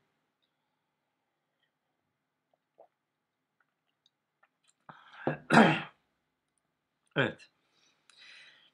Şimdi cemaat 15 Temmuz travmasından ötürü %99'u belki daha fazlası bir güven krizi yaşıyor dedim. O yarım saat falan süren bir video çok az anlaşılıyor. Niye bilmiyorum. Böyle devamlı şey açılıyor. Böyle bir rakama nasıl ulaştın? %99'u nasıl buldun? Aslında bu rakama bilimsel olarak e, hani böyle anket yaparak falan ulaşmadım. Yani insanlara sorarak ulaşmadım. Ama şöyle başka bir şekilde ulaştım. Yani yine bilimsel bir şey. E, şimdi yani bütün detaylarla çalışmadık. İnsanlar neden güven krizi yaşıyor falan bilmiyorum. Sadece şunu biliyorum. Gözlemlerimle. Ya, ya katılabilirsiniz. Sizinle de kısa bir anket yapmış oluruz burada ama 15 Temmuz öncesi cemaatteki insanlara bayrak yükle dediler. Yükledi. Bankasıya para yatır dediler. Yatırdı. Sohbetlere git gel gazete abonesi ol bilmem ne yap bilmem ne bilmem ne. Şimdi 15 Temmuz oldu. Öyle ya da böyle. Tam olarak kafanda 15 Temmuz'da cemaat nereydi, neredeydi, bunun muhasebesini yaptın, yapmadın. Onu da koy bir kenara. Bugün yaşanan hadise şudur. Yani bir insanların çoğusu tam olarak ne olduğunu farkında değil. Hala daha o siviller ne işi yapıyordu, Adil Öksüz'ün ne işi vardı, bilmem neydi, şuydu buydu, darbeci miydi, değil miydi filan bu konularda tam emin olmasa da tam olarak cemaatte nerede durduğunu bilmiyor. Dolayısıyla herkesin kafasında çok ciddi bir çoğunluk kafasında hani o gece tam olarak kimin ne yaptığını bilen işte Adil Öksüz'ün şuyun bu ne yaptığını bilen ama konuşmayan varsa çok küçük bir azınlık hariç herkesin onlar bile Akıncılarda ne olduğunu bilmiyor. Nerede işlerin yanlış gittiğini, nerede şeyi tuzağa kimin düştüğünü, nasıl düştüğünü filan bilmiyor. Ne olduğunu bilmiyor. Ama nihayetinde bir muğlaklık var. Bundan ötürü bugün bugün işte şimdi Çağlayan abonesi adıyla sanıyla Çağlayan abonesi olan kaç kişi var? Bir kere Çağlayan abonesi olan kaç kişi var? Anlatabiliyor muyum? Yani Türkiye'den filan demiyorum. Yurt dışından söylüyorum. İşte bugün cemaat bir app kullanıyoruz arkadaşlar. Herkes şu app'a abone olsun dese kaç kişi bu, bu çağrıyı dinler? Anlatabiliyor muyum? Arkadaşlar şöyle bir banka kurduk. Finansal işlemlerimizi buradan yapalım dese kaç kişi şey yapar? Yani 15 Temmuz öncesi insanlara bir şey söylüyorsun. İnsanlar güvenerek yapıyorlar. Bugün bir şey söylüyor bir abi. İnsanlar buna nasıl tepki veriyor? Böyle bir bakın. Yani siz diyebilir misiniz ki aynı tepkiyi verir? Böyle bir şey yok bir kere. Yani çoğunluğu itibariyle herkes her şeyi sorgulayacak durumda. Nasıl yani? Ya mesela işte Enes Kanter imza kampanyası yüzü oldu. Your My Hope bilmem ne. Bununla ilgili aylardır senelerdir imza toplanmaya çalışıyor. Bir şeyler yapılmaya çalışıyor. İşte YouTube kanalına abone olun diyor. Bilmem ne oluyor. Şu kampanyayı destekle. Bu tweet at bilmem ne. Kendi adıyla, sanıyla, güven şeyiyle bilmem nesiyle cemaate güvendiği için bu tarz faaliyetlere katılım oranına bakın. Anlatabiliyor muyum? Yani bunların birçoğusuna hani takip çalışmalarına yine insanlar katılıyor şöyle ya da böyle ama yani size bir şey söyledi. Yani geçen birisi şey yaptı. Yani İngiltere gibi bir yerde Çağlayan merkezi bir yere geliyor. Herkes elden teslim alıyor. Adı san adresi vermeye güvenmiyor adam. Şimdi güvenlik diyebilirsin sadece. Tamam mı? Ama bu sadece güvenlik meselesi değil. Bu seni sana senle konuşan abi senin başını belaya sokar mı eder mi seninle ilgili her şeyi düşünmüş müdür düşünmemiş midir gibi ona olan güvenin de sarsıldığına işaret ediyorum. Anlatabiliyor muyum? Yani cemaatle ilgili herkes bir anda e, çok ciddi bir güven krizi yaşıyor demiyorum. Cemaatle ilgili herkes bir ölçüde güven krizi yaşıyor. %100 güvenen 14 Temmuz'da %100 güvenen adam %99 güveniyor, %98 güveniyor. Bir, bir şey payı bırakıyor adam. Eğer Adil Öksüz'ü bir, bir birebir tanıyıp da ne olup ne bittiğini bilmiyorsa oraya bir bilmediğim bir şey var diye bir notch pay bırakıyor. Bunu %99'dan %1'e indiren de var. Tam tersine her şeyden cemaati suçlamaya başlayan hani %100 güvensizlik duymaya başlayan da var. Hani böyle değişik spektrum var. Ekstrem her şey var.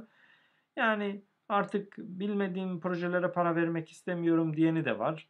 Bana şeffaf projelere destekleyeyim, şunu yapayım, bunu yapayım diye bu şekilde güven problemini değişik şekillerde izah edenler var. Ama en basit manada bugün size cemaat arkadaşlar şu apı kullanıyoruz, herkes bu apı kullansın dese hiç hiç kafamıza hiçbir sorun gelmeden, hiçbir düşünce gelmeden direkt uygularız diyen adam sayısı neyse Bence %0.0.0.1'dir o. Yani en fazla.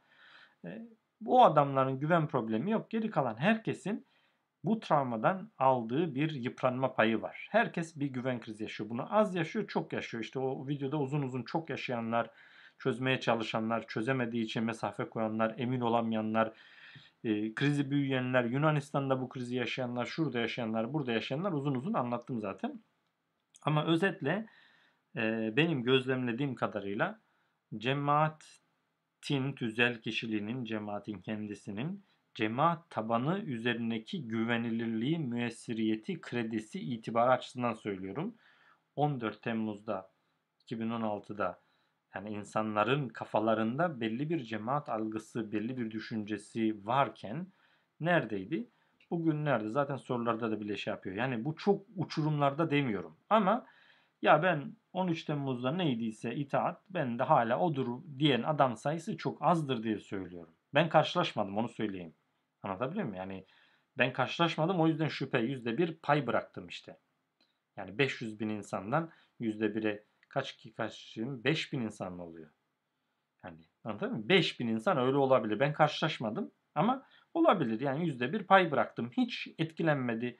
Hala daha benim için e, abi ne derse o diyen adam sayısı bu yüzde bir. Geri kalan herkes için yüzde birdir, yüzde üçtür, yüzde beştir, yüzde doksan beştir bir güven krizi yaşıyor dedim. Bu o zamandan bu zamana da arttı onu söyleyeyim. Yani cemaat kendi içerisinde şu an faydalı şeyli projelere bile ikna etmekte zorlanmaya başlıyor. Yani buradaki bazı yanılsamalardan ötürü insanlar bazı şeylerin iyiye gittiğini falan düşünüyor. Yani eskiden diyelim İngiltere'de bin tane adam vardı. Şimdi 5000 tane, 10 bin tane adam var. Bu 10 bin adam içerisinden işte 1000-1500 kişi e, hizmetle aktif şeyi devam ediyorsa eskisine nazaran hizmet hareketi kendisine 15 Temmuz öncesi İngiltere'de duran biri %50 büyüdük diyebilir. Öyle zannedebilir ama o 10 bin içerisinde e, 1000, 1500'dür. Yani eskiden %100'üne ulaştığı insan grubunun %15'ine ulaşabiliyordur diye bakmıyordur. Komparatif bakmıyordur. Ondan ötürü şey. Bu bir realite. Yani bu e, yani bugün Baylok yeniden piyasaya çıksa şu app'ı kullanacağız arkadaşlar dese kaç kişi e, hiç şüphesiz şeksiz dahil olur. Kaç kişi imza kampanyalarına katılır filan. E, buna göre konuşarak söylediğim bir şey. Yani bu mesele Ahmet Bozkış şöyle yaşadı, Ahmet Kuru böyle yaşadı, sen daha az yaşadın. Herkes bir ölçüde e, bir güven krizi e, yaşadı. Evet.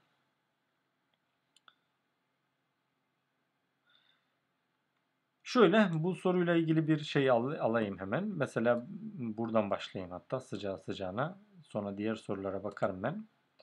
Ee, hemen burada diyor ki arkadaş birisi ki mantıklı o da.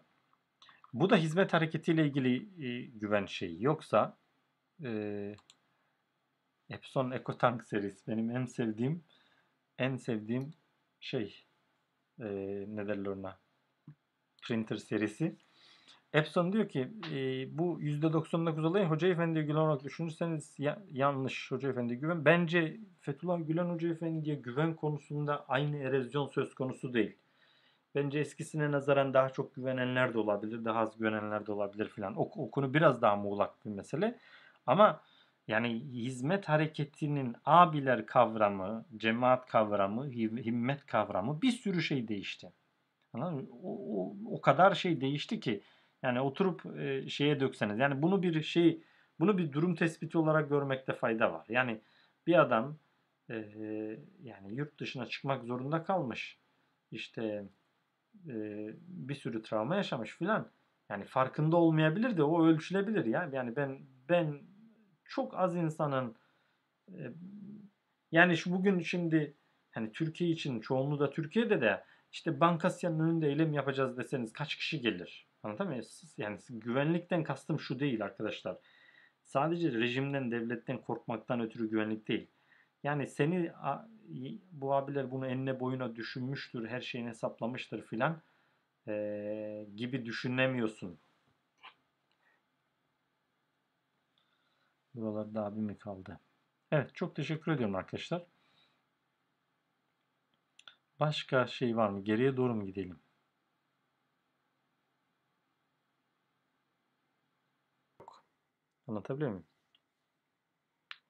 Evet, teşekkür ediyorum arkadaşlar yayını izlediğiniz için. Ee, bir sonraki yayında görüşmek üzere. Bu muhabbet kısmını son sorunun son kısmından itibaren keseceğiz. Burası biz bize kalmış olacak. Yayına katıldığınız için, izlediğiniz için teşekkür ederim.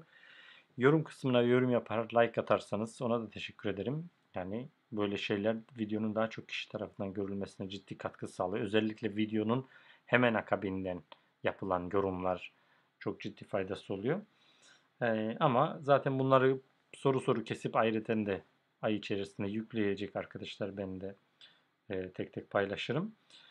Onun haricinde bize bu yayınlara Videon.tr pa- platformuna veya bana veya YouTube kanalımıza doğrudan e, destekte olabilirsiniz. İzlediğiniz için teşekkürler. İyi günler.